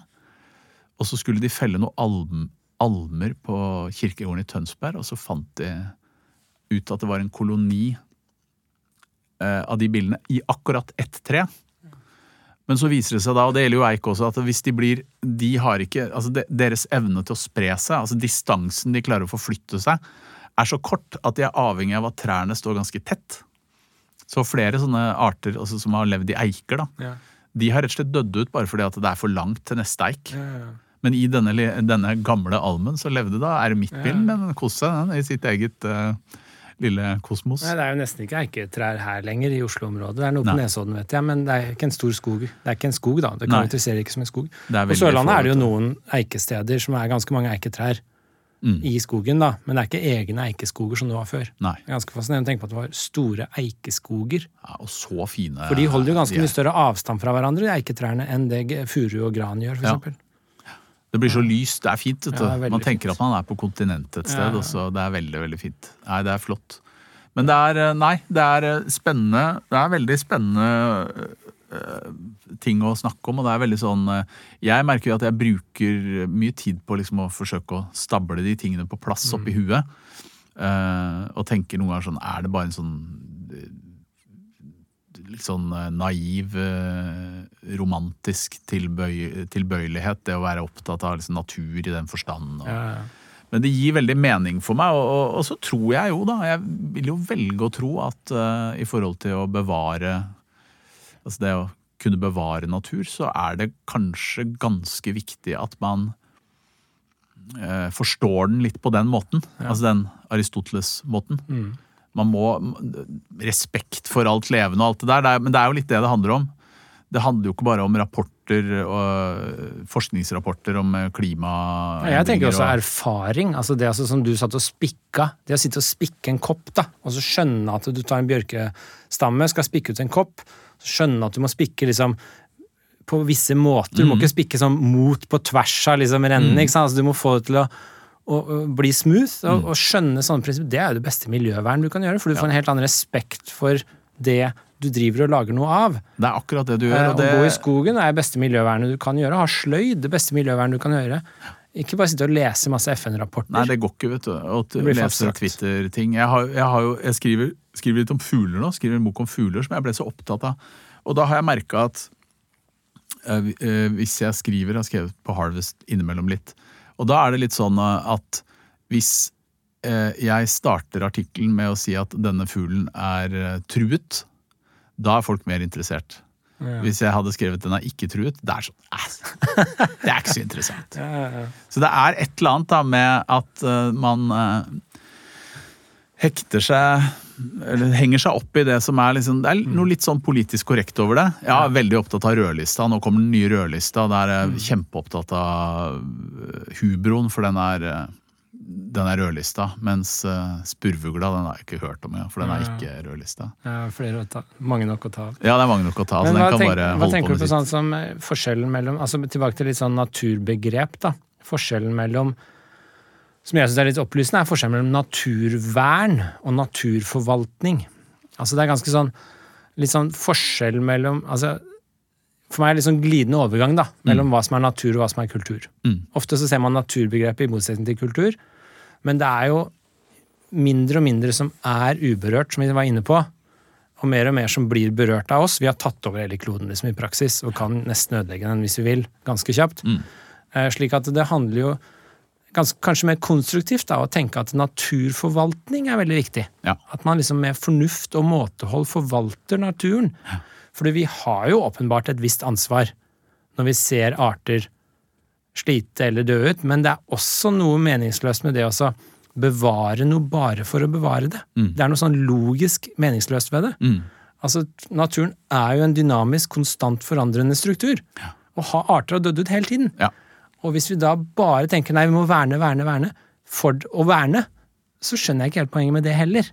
Så jeg sliter litt med den derre vi, vi må forvalte naturen veldig godt. Det er litt sånn som onkelen til Spiderman sier. Mm. With great power comes great responsibility. ja, det er fint, det. Eh, og det er litt sånn, altså vi må forvalte, og det gjør vi i stor grad. Vi setter ut litt salt i elgen, og vi liksom vi tilrettelegger naturen for arter som er ville. Mm.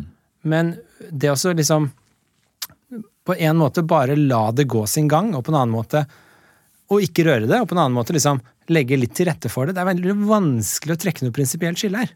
Det er det, og jeg tror jo øh, Jeg har jo interesserer meg egentlig mer og mer for den øh, forvaltnings... Ja, for det er det som er mer, mer aktuelt og på en Mye måte praktisk. Og så er det jo, er det jo den, den andre, altså bevare natur som natur Det, det er jo det er, for, det er en forestilling om et eller annet greier som vi ikke egentlig er helt, veit helt hva er. Jeg skjønner at arter for eksempel trenger, trenger Noen arter trenger bare å være helt i fred. Ja. Og bygger du en motorvei fra over et jorde uten å sjekke om det er noen padder som migrerer over der, og sånn, så er det ille.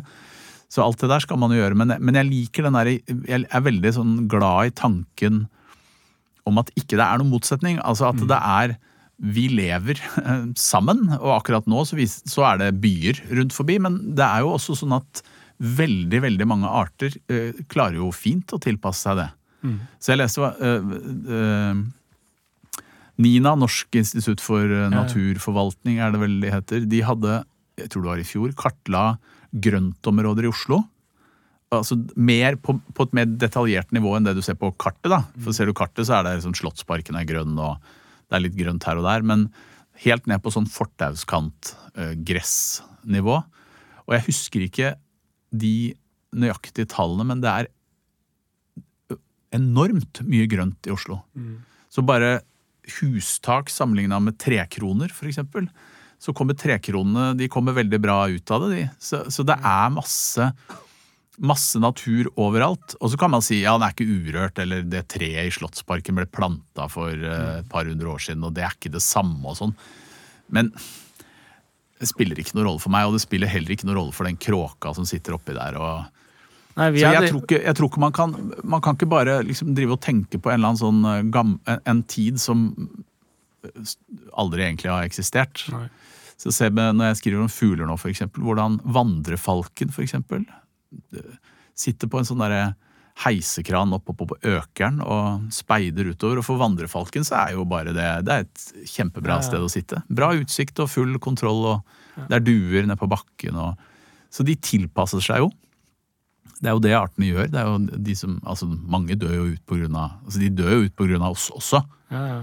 Eh, men eh, På Kjelsås var det det motsatte litt nylig. Altså, for der var, ble det lagt ut på høring fordi det var så fortetting. Det var så fortetning. Altså, Husa bygde så tett. Alle hagene ble bygd ut. Og da forsvinner jo hager. Og hva skjer da? ikke sant? Jo, det blir mer oversvømmelser. Mm. Fordi det, vannet absorberes ikke. Da skal det bare ned i sluk, og det er det ikke kapasitet Nei, det i Oslo. ikke, da blir det oversvømmelser i byer fordi det blir for tett. Så du må ha grøntarealer for å liksom absorbere vannet når det Mm. regner. Bare så enkle, dumme ting, liksom.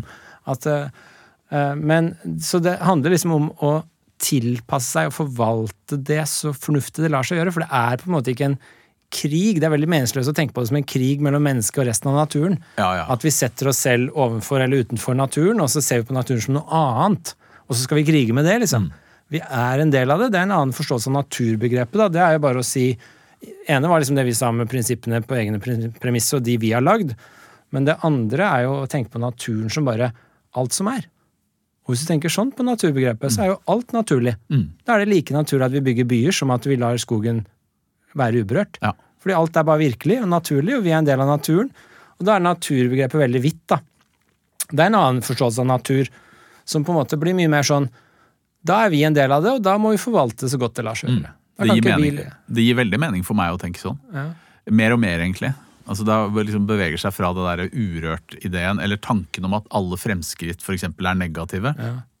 Alt fremskritt ødelegger for noe opprinnelig, noe som var der før, noe som er bra, osv. osv. Det føles eh, jo i, veldig liksom lite produktivt og veldig sånn svermerisk. eh, og vi kan jo ikke tenke sånn.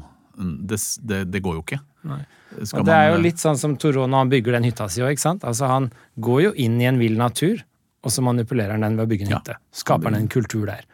Og så er han veldig opptatt av å gjøre det minimale. Mm. Altså Han er veldig sånn opptatt av Han har ikke engang en trapp utafor huset sitt. Han går rett ut i naturen, Mm. ikke sant. Eh, og han lar musa og ekorna løpe under huset. Så han er veldig sånn Tilpasser seg veldig eh, og minimerer alt av kultur, så å si. Mm. Av påvirkning. Eh, Men det er liksom den balansegangen der, da, som er veldig, jeg tror er, liksom det mest fornuftige. Ja. Eh, Men så er det en sånn interessant tanke i Aristoteles nok en gang. Han er mye Aristoteles her, men han er jo veldig opptatt av dette med, dette med den ville naturen, uberørt naturen, er også viktig å la noe være uberørt. Og hvorfor det? Jo, fordi vi Nå ble jeg litt usikker på om dette er Aristoteles, men glem det, det er ikke så viktig. Men poenget er at det er viktig å ha en vill, uberørt del av naturen, fordi den er også veldig viktig for at vi ser oss selv i kontrast til noe. ja. Slik at vi identifiserer oss som noe sivilisert, som er i motsetning til det ville. Mm. Så vi kan kontrollere oss selv, mens det kan ikke kontrollere seg selv på samme måte. Vi er liksom det motsatte hele tiden. Ja. Og den selvidentifiseringen krever vi noe vilt for. Ja. Så hvis alt ble som byen, så mangler vi kontrasten ja. som gjør at vi får en sterkere selvforståelse. Det er også, synes jeg, er veldig interessant. Ja, Altså, veldig. Det var litt det jeg når jeg snakka om. går i vill eh, natur i Nordmarka, så er det liksom Hvorfor liker jeg det så godt? Jo, fordi det er den kontrasten til Mm. det å sitte på kontoret. Det er noe annet. Noe helt annet. Og det er veldig Jeg tror det er veldig jeg, jeg, jeg tror veldig på det. da. Det er en slags påminnelse. ikke sant? En sånn, ja. ja, eh, Med jevne mellomrom så blir du minna på at eh, verden er mer mangfoldig enn du kan få inntrykk av hvis du suller rundt i byen. da.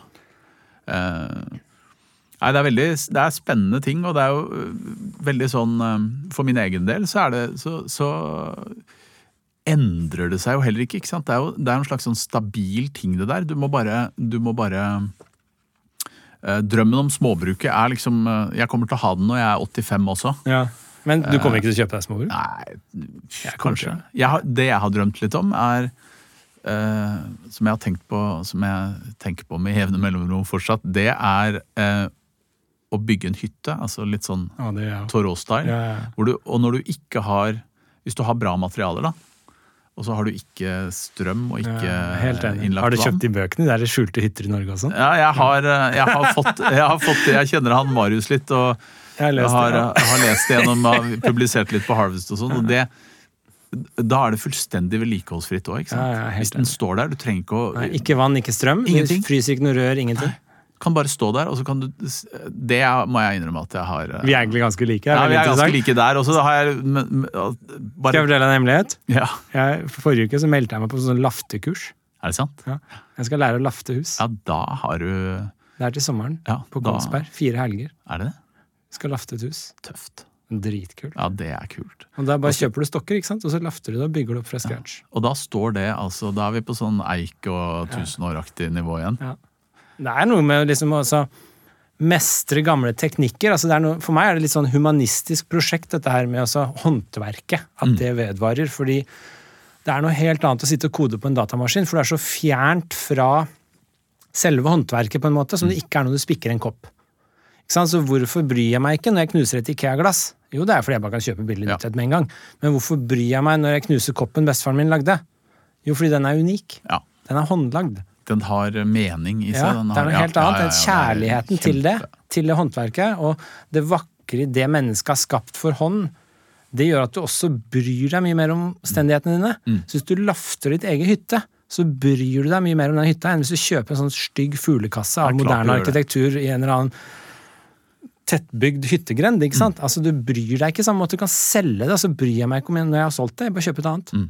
Mens når du lafter din egen, kvitter deg ikke med den. Ja, den blir uløselig knytta til, til, eh, deg, altså. til virkeligheten, da, som du ikke får i sånn masseproduserte ting. Ja. Det er arbeid i en sånn eh, helt sånn konkret forstand. Jeg bygde Jeg holdt på med det fortsatt, men jeg, hadde, jeg skrev om det også fordi at jeg Vi har hytte nede på Kråkerøy, ved sjøen.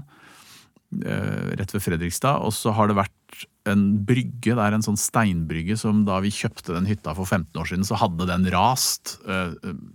Av isen sikkert, ikke sant, som har gnagd på den i i eh, år etter år, og så hadde den rast sammen. Men den, er jo da, den kan jo bygges opp, så det er jo strenge regler. Men når den, når den er der, så kan den bygges opp igjen. Så har jeg gått og tenkt på det i mange år, at nei, jeg får bygd opp den eh, brygga. Men ungene har vært små, du vet, vet hvordan det er. Det har liksom aldri blitt tid. Men så begynte jeg for to, ja, to somre siden, tror jeg. Og så sto jeg nede ved vannet der med alle de steinene. Og så tenkte jeg, hvordan skal jeg gjøre dette? Jeg er ikke noen bryggemester. Og når du spør folk langs sjøen om hvordan du skal brygge, bygge en brygge, så er det helvete løs, på en måte. Alle, alle er skråsikre, og alle mener at det bare kan gjøres på én måte, og det er deres egen måte, og alle mener noe forskjellig. forskjellig. Så, det går, det er, så jeg bare bestemte meg for at dette skal jeg gjøre på egen hånd. Men da, er det, altså, da var det altså sånn at hver eneste kveld før jeg sovna, så går det, så går det og surrer. Ja, Altså ja, sånn. Hvordan skal jeg løse det? Hvordan skal jeg løse det? Hvis jeg legger den der, den der, her isen, tidevannet. Så det er, man merker at det er noe Det er noe veldig appellerende da, i, eh, i det å løse sånne praktiske problemer og bygge et eller annet. Ja. Eh, Og, og da har det jo i utgangspunktet ingenting med estetikk, eh, estetikk å gjøre. I hvert fall ikke i utgangspunktet. Nei, nei. Det dreier seg mye om den- mestringsfølelse, da. Ja, Og så må du gjøre det på en måte som gjør at den der brygga funker. Ja. Og så er motstanderne dine er liksom isen og tidevannet, som jo er to ganske Men det handler jo om beherskelse og mestring. altså sånn som det å liksom se et prosjekt for deg og ikke vite hvordan du skal angripe det, så føler du deg litt sånn underlegen hele prosjektet. Veldig. Men når du mestrer det, så føler du deg helt konge. Ja. Og det er en deilig følelse som Ja, det er en menneske. deilig altså. følelse. Så, og jeg har, med den brygga så har jeg jo hatt det sånn. ikke sant? Jeg Ja. tenkte jeg skal ikke lære Ingen skal få lov å lære meg det. Det skal være Torbjørn lager brygge fra scratch. Ehm, og nå er den det er ikke helt ferdig ennå. Det har gått to somre nå, men nå Jeg tenker fortsatt på den. Jeg, før jeg, jeg har et par, tre, fire ting jeg må gjøre når eh, isen går. Og så er jeg jo selvfølgelig alltid spent på hvordan har den klart seg. Ja, ja. Men det er noe sånn, vi beundrer jo disse som liksom fikser ting og skjønner det. Det er noe sånn der menneskelig klokt over det. altså liksom Mestre og skjønne hvordan ting funker, og prinsippene bak. Altså dette med å liksom Hvis du tenker, eh, tenker liksom dette å lære seg å bygge noe Du kan godt lære deg å bygge det etter å se etter andre. Men det er noe helt annet når du liksom lærer deg å bygge det ved å se etter andre, men så begynner du å forstå Ja. hvorfor du gjør det du gjør underveis. Da får du en mye dypere innsikt Ja, ja, i hvordan du bygger og denne type kunnskap, og da mestrer du det på et helt annet nivå. Ja, du gjør det. Og da er det du som er kongen, ikke det prosjektet som er konge over deg. Og det er jo litt sånn learning by doing. Torå driver jo også med det med sin hytte. At du Man finner ut av ting, da. Og det er jo uh, antagelig en evne og en egenskap som ligger brakk hos uh, veldig mange av oss. Ja. Det at vi ikke Ikke sant. Uh, jeg gjorde jo veldig det med den År i skogen-boka. Det var litt det samme som med Brygga, at jeg hadde en idé om at hvis du går ut for, Jeg får ofte e-poster fra folk som lurer på sånn Hva trenger vi hvis, hvis vi skal sove ute i skogen en natt, og vi er en familie på fire, eller vi skal dit og dit. Hva trenger vi av utstyr? Og da pleier jeg alltid å svare at uh, Altså mat og sovepose må man jo ha, men jeg pleier alltid å svare at dra inn, og så gjør det en gang. Og når dere kommer hjem dagen etterpå, så veit dere hva dere trenger. Ja, ja.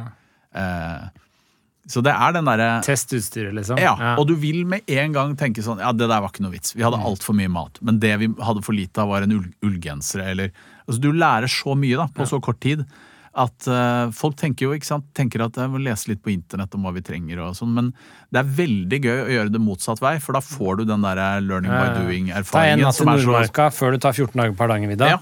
Ikke omvendt. Det er akkurat det du må gjøre. Ta en natt i Nordmarka, så kommer du hjem, og så er du egentlig rett og slett Da kan du veldig mye ja. om hva det vil si å overnatte mm. i en skog. Ja. Nei, Det er ganske interessant akkurat er, hvordan vi dras mot dette. Det er, jeg tror det er sånn dypt menneskelig, det å mestre noe. Mm. Det, liksom, det, tror jeg er veien til lykke. Jeg hadde en uh, student av meg som sa han var lærer i ungdomsskolen i Oslo i mange år. Han sa at Hans teori var at det alle ungdommer egentlig søkte, det var bare det å mestre noe. Mm. Et eller annet samme hva. Så hvis mm. du ble den beste gangsteren, hvis du mestra gangstervirksomheten din, så ble det meningsfullt. Ja. Eller hvis du mestra liksom skolen, så ble det meningsfullt. Men hvis du ikke mestra skolen, da kunne du mestre noe annet. Det var det de søkte. Mm. Og det tror jeg det er noe i. Altså, ja, det er noe i, og det, tenk så viktig det er å være obs på det. Sånn så jeg har uh, Eh, jeg har vært fotballtrener for sønnen min nå i syv år, tror jeg. Hele, gjennom hele barnefotballen. Nå er han over på ungdomsfotball, så nå er jeg pensjonert barnefotballtrener. Men alle de åra, å se så mange barn eh, som skal lære noe mm. Det er jo et spill, på en måte. Visse regler, og det er noe Du må forstå en del ting, da. Eh, hvor eh, fant, Enormt fascinerende. Jeg har vært så opptatt av det at jeg har ja, det har vært eh, liksom virkelig sånn oppslukende. Hvordan, Og så er de ulike alle sammen. ikke sant? Mm. Hvordan skal vi gjøre dette for at flest mulig opplever mestring? For mestring er jo essensielt. Mm. Hvis ikke så er det jo ikke noe gøy i det hele tatt. Ja, det du, må, du ja. må, liksom, Noen må hjelpe deg til å liksom lære the basics, mm. og så må du ta det videre derfra. Da. Altså Gitt at du syns det er gøy, da. Mm. Det er jo litt tilbake til boka. Litt det Toro gjør. Han drar ut i skogen. Hvorfor gjør han det? ikke sant? Han er der bare i to år. Han drar ut i skogen. Vil finne det essensielle, det mest primitive, basic, som mm. trengs. Og så vil han på en måte kjenne det livet. Mm. Og mestre det. Det er litt det som ligger bak her. Ja, altså, han skal bare mestre det mest primitive som er bak og under alt fjas. Ja. Og så vil han bare kjenne på det. Da føler han at han har levd. Ja. Og da er han kanskje fornøyd, og kanskje det er det som er forklaringen på ja, at han eh, tilbrakte de siste ti åra Nei, for Han sier sånn som på slutten her, jeg synes det er veldig sånn Oppsummeringen av boka er veldig fin. da, altså Han sier på slutten for eksempel uh, Dette er på side 288. Så sier han her hvor uh, Jeg flyttet fra skogen. Han flytter jo fra skogen. Først flytter han inn, er der i to år, så flytter han ut igjen til byen. Mm.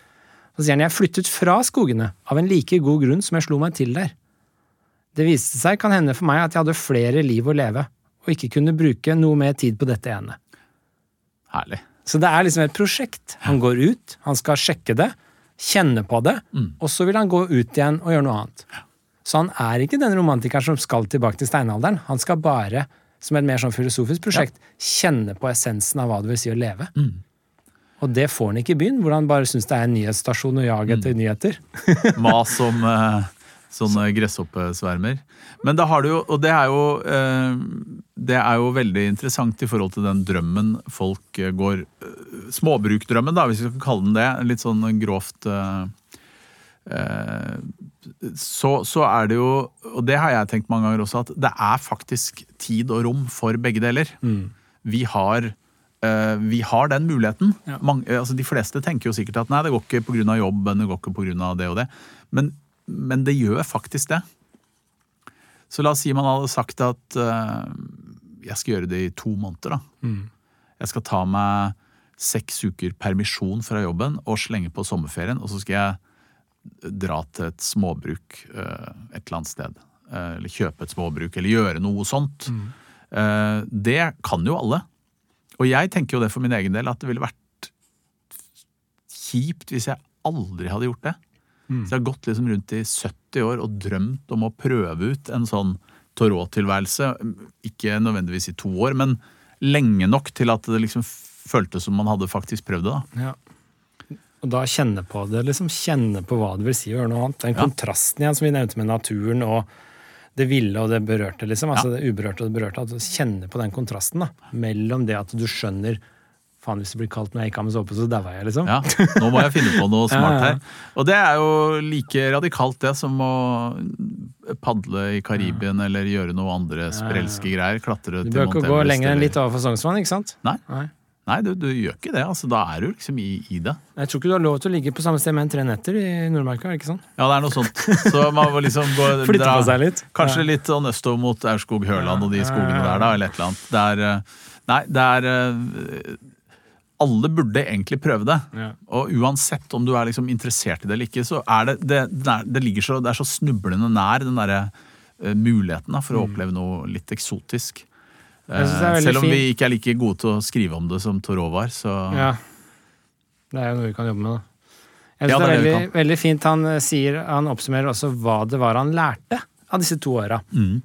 Eh, fordi boka, sånn jeg husker boka før jeg liksom leste den ordentlig, er det liksom sånn Han flytta ut i skauen. Tilbake til skauen. Men når jeg leste den nå, så var det mer sånn Det var jo egentlig bare et kortvarig prosjekt som han skulle føle på noe. Mm. Og så så er det egentlig bare et filosofisk prosjekt, og så drar han tilbake igjen. Største delen av livet lever han jo i landsbyen. Ja, ja, ja. Så det er jo bare, egentlig bare tull, den ideen jeg hadde om hvordan det her egentlig var. Men han oppsummerer hva lærte han? Og da sier han jeg lærte i hvert fall dette av mitt liv i skogene. At den som med tiltro strekker seg i retning av sine visjoners mål, og søker å sette ut i livet det som er ønskverdig, vil oppleve en livsglede som han ikke hadde anelse om i sitt ordinære liv. ja. Og det er igjen den der kontrasten og ned til det primitive. Få den der mestringsfølelsen av at du kan bygge deg denne hytta i en vill skog, og så overleve på egen hånd og kjenne at du er herre. Mm.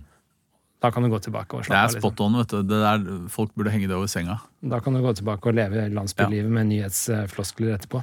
Og det sier jo også noe om at han var en moderne mann. ikke sant? Han var ikke en, han var ikke en sånn fyr som ville bare flykte. Som eh, kanskje han jeg nevnte fra eh, den filmen 'Grizzly Man' for eksempel var. Han var en, eh, en, eh, en fyr som rett og slett bare ville teste det. Leve, leve annerledes. Her er et veldig morsomt bilde han har til slutt her også. Han sier vi har lest om rytteren som spurte en smågutt om myra som lå foran dem, hadde fast bunn. Husker du det? Nei, det kan ikke huske nå. gutten svarer at det hadde den. Men snart sank hesten ned i myra til oppunder buken, og mannen ropte jeg syns du sa at myra hadde fast bunn. Det har den, svarte gutten, men du har ennå ikke nådd halvveis ned til den. og det er litt den der du bor i landsbyen og sivilisasjonen, og så er den faste bunnen den er ganske langt ned. Mm. Men den er ganske viktig, da. Ja. Han sier slik er det også med det myrl- myrlende og den, myrlende og den kvikksand som preger samfunnet vårt. Men den er en klok kar som innser det. Den er en klok kar som innser det. Altså det, det, du kommer ned til fast bunn, Ja. Men Det er ganske ikke- langt ned fra sivilisasjonen. ja. Uh, så ja. uh, Nei, det er en flott bok, altså. Og, ø, og den norske oversettelsen der er, er jo veldig fin. Og, og veldig sånn overkommelig å lese, selv om han er en Ja, en mann fra 1800-tallet som skriver ganske omstendelig. Ja. Vi må begynne å runde av, men det er et par sitater jeg bare må få med. For vi har prata så mye at jeg må bare få med noen sitater som er Ja, kjør på. Og dette er rett på side 202. Her sier han Vi er alle sammen skulptører og malere, og vårt materiale er vårt eget kjøtt og blod og skjelett. Hver edel egenskap setter straks sitt forfinede preg på et menneskes karaktertrekk, mens enhver uslhet eller sanselighet vil gjøre dem rå og inhumane. Så vi er liksom kunstnerne som former våre egne liv. Og det er derfor han sier da, rett under så sier han Hvorfor blir du værende her og lever dette nedverdigende og unaturlige livet når du har mulighet til å leve et strålende liv? Hvorfor blir du bare værende i vante gangen din? Hvorfor tør du ikke å liksom ta skrittet ut? Mm. For det er da han føler Han mener at du liksom først da du kjenner på livet, da. De samme stjernene som kan skinne her, sender også sine stråler over helt andre marker enn disse. Men hvordan frigjøre seg fra sine kår og faktisk bevege seg dit hen? Den eneste utveien han kunne se, var å sette ut i praksis en større viljestyrke kombinert med en enklere levestandard. Mm. Ikke sant? Så du får liksom utøvd styrken din som menneske ved å senke levestandarden. Ja. Og da kjenner du liksom essensen av livet, som jeg ser leseren. da. Ja, og det, er jo, det har han jo helt rett i, for det krever jo styrke, det. Det krever jo masse styrke å skulle Altså han bryter, jo, han bryter jo med den konvensjonelle måten å leve på. Da. Det, Mm. det er klart det krever ganske mye mot, det. Ja, du, Og vi kan gi jo- kast på noe, gi slipp på noe. Ja, og vi må jo bare anta at uh, Torås satt mange kvelder i hytta si og, og var i tvil om han hadde valgt eh, den rette veien eller ikke. Han sier her ved å la noen legemlige behov vike plass for sinnets frigjøring, og derigjennom behandle seg selv med stadig større respekt. Mm. Det har vært gøy å teste det. Altså. Vi får snakkes igjen om eh, 20 år, Einar, og se hva vi har fått til. Eh, jeg tror det var ett siste her som er litt artig. Det er jo Jeg vet ikke om du husker det, men han Han blir nesten vegetarianer. Mm. Eh, dette er på side 196 og 97. Det var litt artig. Altså, jeg prøvde jo det i mange år. Jeg, har vært, jeg ble ganske sånn ordentlig vegetarianer i mange år, altså i flere år. Og så men jeg er jo en svak karakter, så jeg svikta jo sakte, men Du sikkert. falt tilbake til kjøtt, ja. Men jeg minimerer kjøtt, eksempel. Altså, Mm. jeg kjøper aldri eget produsert, masseprodusert kjøtt, eksempel. Altså, men jeg har bare mer sånn middelvei-prosjekt nå, da. Men kjøper vegetar hvis jeg kan, liksom. Og jeg er glad i det, men jeg klarer ikke å jeg, jeg klarer ikke å liksom si nei hvis jeg er borte hos folk. Jeg orker ikke å være så Nei, vanskelig. det hadde nok eh, tenker, sånn helhetlig, da. Jeg tenker sånn Her ligger det dødt på tallerkenen allerede, liksom. Men det gjør ikke noe fra eller til annet enn eksempelet jeg setter med å være vanskelig, liksom. Altså, jeg orker ikke. Nei. Men jeg tenker at det er bare jeg som er svak karakter, da, til syvende og Ja, eller sosial, uh, sosialt litt mer speedy enn hva Torå var. Jeg tror han var ganske kompromissløs i sånne Men sammenhenger. altså, det han sier, da Han sier her sakte, men sikkert så begynte han å mislike å fiske og, og, og jakte, og Mm. han likte det ikke lenger. Og det var mer av estetiske grunner enn noe annet. Altså Han syntes ikke det var noe pent lenger. Og det syns jeg er litt interessant, for Ja, det er tenker også han da noe på han da liksom drapet på fisken? Ja, han eller? synes det bare var, han sier her eksempel uviljen eh, mot animalsk føde skyldes ikke erfaring, men instinkt. Jeg syns det er vakrere å leve enkelt og nøysomt på mange måter. ja. Og selv om jeg aldri gjennomførte det helt, gikk jeg langt nok til å tilfredsstille min fantasi. ja. Så han syns det bare er vakrere å spise en nøtt enn å drepe et dyr. Og det er jeg så enig i. ja. Jeg er så enig. Jeg syns det er noe sånn grotesk over det der å sitte og fråtse i levende ting som er drept. Det er sånn barbarisk og grotesk. Ja, det er barbarisk. over. Eh, Men samtidig så er det jævlig godt med viltkjøtt, liksom. Men det handler liksom om måten man gjør det på, og liksom hele prosessen bak, og litt sånn, vil jeg tro. Men Ja. han syns det er vakrere. Jeg er jo helt enig. Det er jo forferdelig vakkert å bare liksom ta noen grønnsaker og lage Ja, en ja, ja. deilig stu av det, liksom, i stedet for å drive og, og, og, og slakte og fråtse er- i jo- masseprodusert kjøtt. Eh, Men jeg hadde øh, Han øh, Jeg skrev for mange år siden om en som het Kristoffer Clausen. Som han skulle leve sånn vill- Villmann og jeger. da Han skulle leve en hel vinter i en fjellside ved Lærdal og klare seg på ingenting. Altså Han hadde med seg liksom børse og fiskestang, og, og that's it. Og Han husker jeg fortalte at han starta det prosjektet i begynnelsen av august, tror jeg. Eh, Og så var hjortejakta begynte ikke før 1. september, eller i hvert fall noen uker etter at han hadde begynt. Og da spilte, spiste han bær, og så spiste han fiska han ørret. Og han sa det, det eneste jeg gjorde, var å kjøre i meg ørret hele dag. Og han filma seg selv, og så du så han liksom stappa i seg hoder og rogn og alt mulig rart. Sånn småørret, da. Ja. Eh, Fordi han lafta en, en gapahuk og alt mulig. Men han sa jeg ble så sulten. ja, ja. Og så til slutt så ble det hjortejakt. eh, Ja, ja. Og så skøyt han en hjort og Det var litt den jeg drev og skulle spise bare grønnsaker, jeg var sulten hele ble sulten hele tiden, ikke sant? Så da han fikk den hjorten, og det er sånn filma seg selv når han sitter og kjører i seg hjortekjøtt ved bålet der, Ja. så sa han da, da kom liksom. Ja, ja. Altså den nødvendige Men varm- Det han mente varmen var det kom ja. Varmen kom tilbake. Det han trengte for å overleve den vinteren, det var å gnage på hjortelår. eh.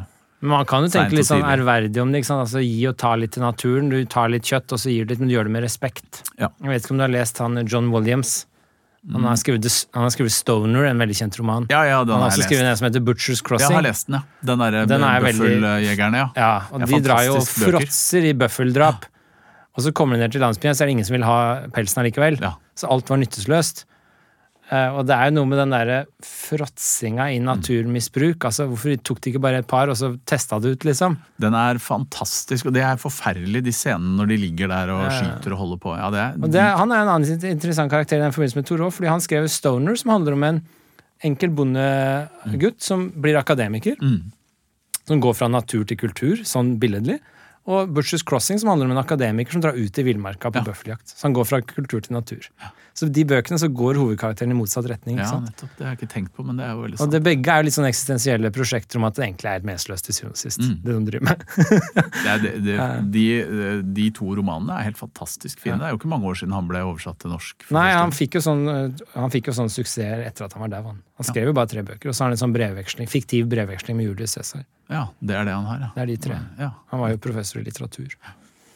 Men uh, han sier tilbake til Toro, bare siste her, vi må gi oss nå hvert øyeblikk, så blir vi kasta ut. Men det siste her uh, om vegetarianisme, altså han sier den som vil lære mennesket å innskrenke seg til en mer uskyldig og sunn kost, bør betraktes som en slektens velgjører. I hvert fall er ikke jeg i tvil om at det er en del av menneskeslektens bestemmelse at den under sin gradvise utvikling etter hvert slutter å spise dyr. Like sikkert som de ville stammene sluttet å spise hverandre da de kom i kontakt med mer siviliserte stammer. Ja. Så han mener det rett og slett er en sivilisert, humanistisk fremskritt å slutte å spise kjøtt. Og det er jo litt sånn, jeg ser hele prosjektet hans, det er ganske sånn radikalt humanistisk. Altså han, han blir fengsla på et tidspunkt for han nekter å betale skatt fordi de selger slaver. Så han nekter å betale skatt til en regjering som selger Ja, mennesker som kveg, som han sier. Ja. Så han er veldig sånn humanistisk tilbake til the basics, felles common humanity, liksom. Mm. Eh, og det er jo ganske spenstig og vakkert. eh, ja, det er det, og det kunne man se for seg som et slags eh, Altså, det er jo veldig relevant i vår tid. I hvert fall det med kjøtt. Ja. Alt med måte, tenker jeg litt Mm. sånn her, da. Ja, så det absolutt siste jeg hadde sett under, er liksom dette med Han vil ha noe, han vil ha noe ekte og rått og brutalt heller enn noe falskt og kunstig. Ja. Så han sier eksempel ikke noe ytre som vi kan pynte vår tilværelse med, vil gagne den slik oppriktigheten gjør. Ikke sant? Eh, si hva du har på hjertet, ikke det du burde si. Enhver oppriktig ytring er bedre enn en hyklersk falskhet. Han vil bare ha det ekte Mm. og ærlige tvers igjennom. Det er det han søker Ja. i disse to åra i skogen, sånn jeg ser det. Helt åpenbart, og det er jo som eksperiment, da, hvis, han tenkte på det som det, noe han jo da kanskje gjorde, så er det jo eh, så er det jo vellykka. Ja. Altså han, har, han har kommet ut av det med å skrive en, en bok som er Hvis jeg skal tippe, så tipper jeg det er den mest leste av alle sånne type bøker eh, ever. eh, på denne planeten, og jeg veit jo at den fortsatt selges. Og, Ja. altså folk, folk er, det er jo mange, sikkert mest i USA, da, men det, han har mange disipler, han altså. Ja, Det fins et eget sånn Torå-selskap i Ja, USA som forvalter hele hans eh, stedet hvor han hadde hytta si, og Ja. de forvalter liksom hele hans livsverk. Da. Så det er, eh, det, er- det er alle som er interessert i liksom, natur øh, Både som liksom, begrep og, og Mm. friluftslivet, da, som har en eller annen dragning mot det, burde jo definitivt lese Det Torå. da starter du på en måte øverst i bunken av viktige bøker. Ja, Og så er den jo lettlest på mange måter. Ja, ja. Han kan være litt tung. Jeg syns det åpningskapitlet med økonomi ble litt kjedelig. Ja, han er jo veldig opptatt av økonomi. Da. Så når han begynner sånn å notere alle tall og sånn, så blir det litt sånn Er dette nødvendig? Budsjettet Altså, for hytta 28 dollar, og så har han brukt 0,01 dollar på kritt. Ja, Sikkert hvor for å mye han har- streke opp noe Så der tenkte jeg liksom at det var litt over the top. Det kunne kanskje vært kapittel litt bakt litt inn. Jeg ville nok flytta det litt lenger bak. Ja, det er en får- tung start. Ja, det er en veldig tung Bratt start. start. da. Men når du kommer deg gjennom kapittel 1 og begynner på toeren, så tar det jo helt av. Det er en eh, virkelig en, eh, Men en er veldig det, fin bok. har du noen siste ord om vår venn Toro? Eller Nei. Henrik, som jeg kaller han. Nei, altså hva, hva kan jeg si? Han har betydd, den boka har betydd veldig mye for meg, fordi at han, han, han øh, artikulerer jo veldig mye av den eh, all- Alle de tankene om naturens rolle i våre liv, som jeg tror vi alle gjør oss, da. Men jeg tror ikke at det er ikke så mange som gjør det så bra. sånn at det, For meg var det veldig sånn, når jeg først leste det første gangen, så ga det veldig mening, satt ting på plass, på en måte. Fordi at man går og lurer på hvor, Akkurat som du sa i stad. Hvorfor er jeg Hvorfor opplever jeg denne dragningen mot naturen når jeg sitter her og har det bra i, i stua mi i byen og alt det der? Det er en sånn slags veld, altså Jeg veit jo det fra Harvest at det er veldig mange som, som går rundt med de tankene hele tiden. Eh, Men man klarer aldri helt å, liksom, å finne ut av hva, hva er det egentlig jeg går og drømmer om, og hvorfor. Og da burde man jo lese Torot. Han setter jo liksom eh, tingene på, på plass. Og utvida, i hvert fall for min del, da, utvida veldig det derre perspektivet på natur. Som jeg syns noen ganger er litt snevert i norsk eh, Ja. Bortsett fra, vi må bare si han helt på tampen, den uh, Alene med vidda. Cappelen. Ja, Peder V. Cappelens bok 'Alene med vidda', som uh, den uh, Det er også et poetisk mesterverk. Ja, fantastisk. Ja. Den ligner jo på en måte Han, han feller ikke så mange dommer. og han, han gjør liksom ikke prosjektet like stort som Toråda, da. Det er, det er liksom ikke noe Nei, politisk måned. Er det eller noe sånt. måned Nei, jeg tror han er lenger, for jeg lurer på om han følger snøspeltingen. Ja, ja, så to-tre måneder. Ja. Det er mye mer poetisk. Eller, altså, Torot er jo også Den er også poetisk. vakker men- når han står og skal skyte noen, og så ombestemmer han seg. Ja. Han skal skyte dyret. Det er veldig mye vakkert der. Ja, så den burde man også, altså Egentlig så burde man kjøpe begge de to bøkene, legge de på nattbordet og så lese de. De er veldig like, faktisk. Ja. Jeg liker den veldig godt, den alene med Ida. Og Walden i denne Toro skriver den ene musa som går rundt i huset hans. Ja, det så går han over skoene også, hans, og så holder han en ostebit, så går han opp på jakkeermet hans, og så liksom sitter og spiser av hånda hans, og så lar han denne musa bare holde på, og så pusser han liksom nesa si og sånn med labbene liksom Ja, det er så fint. Det er så vakkert, og det gjør jo også Cappelen. Han Ja. beskriver denne musa og disse fuglene som er rundt hytta. Mm. Han har Som nok han lar lest være i fred. det vil jeg anta. Ja. At han har eh, Det er jo en slags norsk Toro-bok. Ja, det, det er egentlig litt det. Så den finnes nok bare på antikvariater nå, tror jeg. Nei, den har kommet i ny utgave. Er det sant? Mm, jeg, har lest, jeg har den i helt ny utgave. Jøss.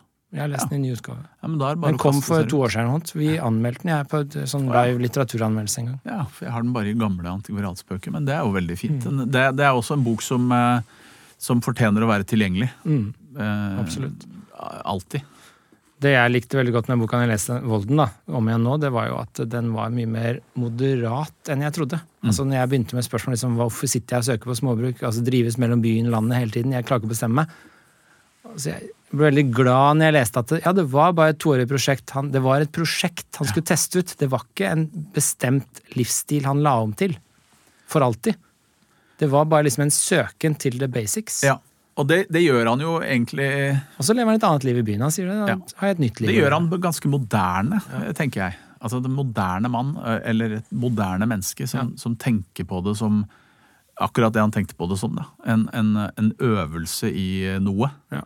Og så tilbake til, altså, tilbake til hverdagen i byen. På, Mm. han, han rakk jo ikke å leve så mange år da, i byen før han eh, Når jeg leste at han la seg ned på isen for å pilke, eller et eller annet sånt, så fikk han lungebetennelse. Var det derfor? Ja, så der var han. Det ble for kaldt.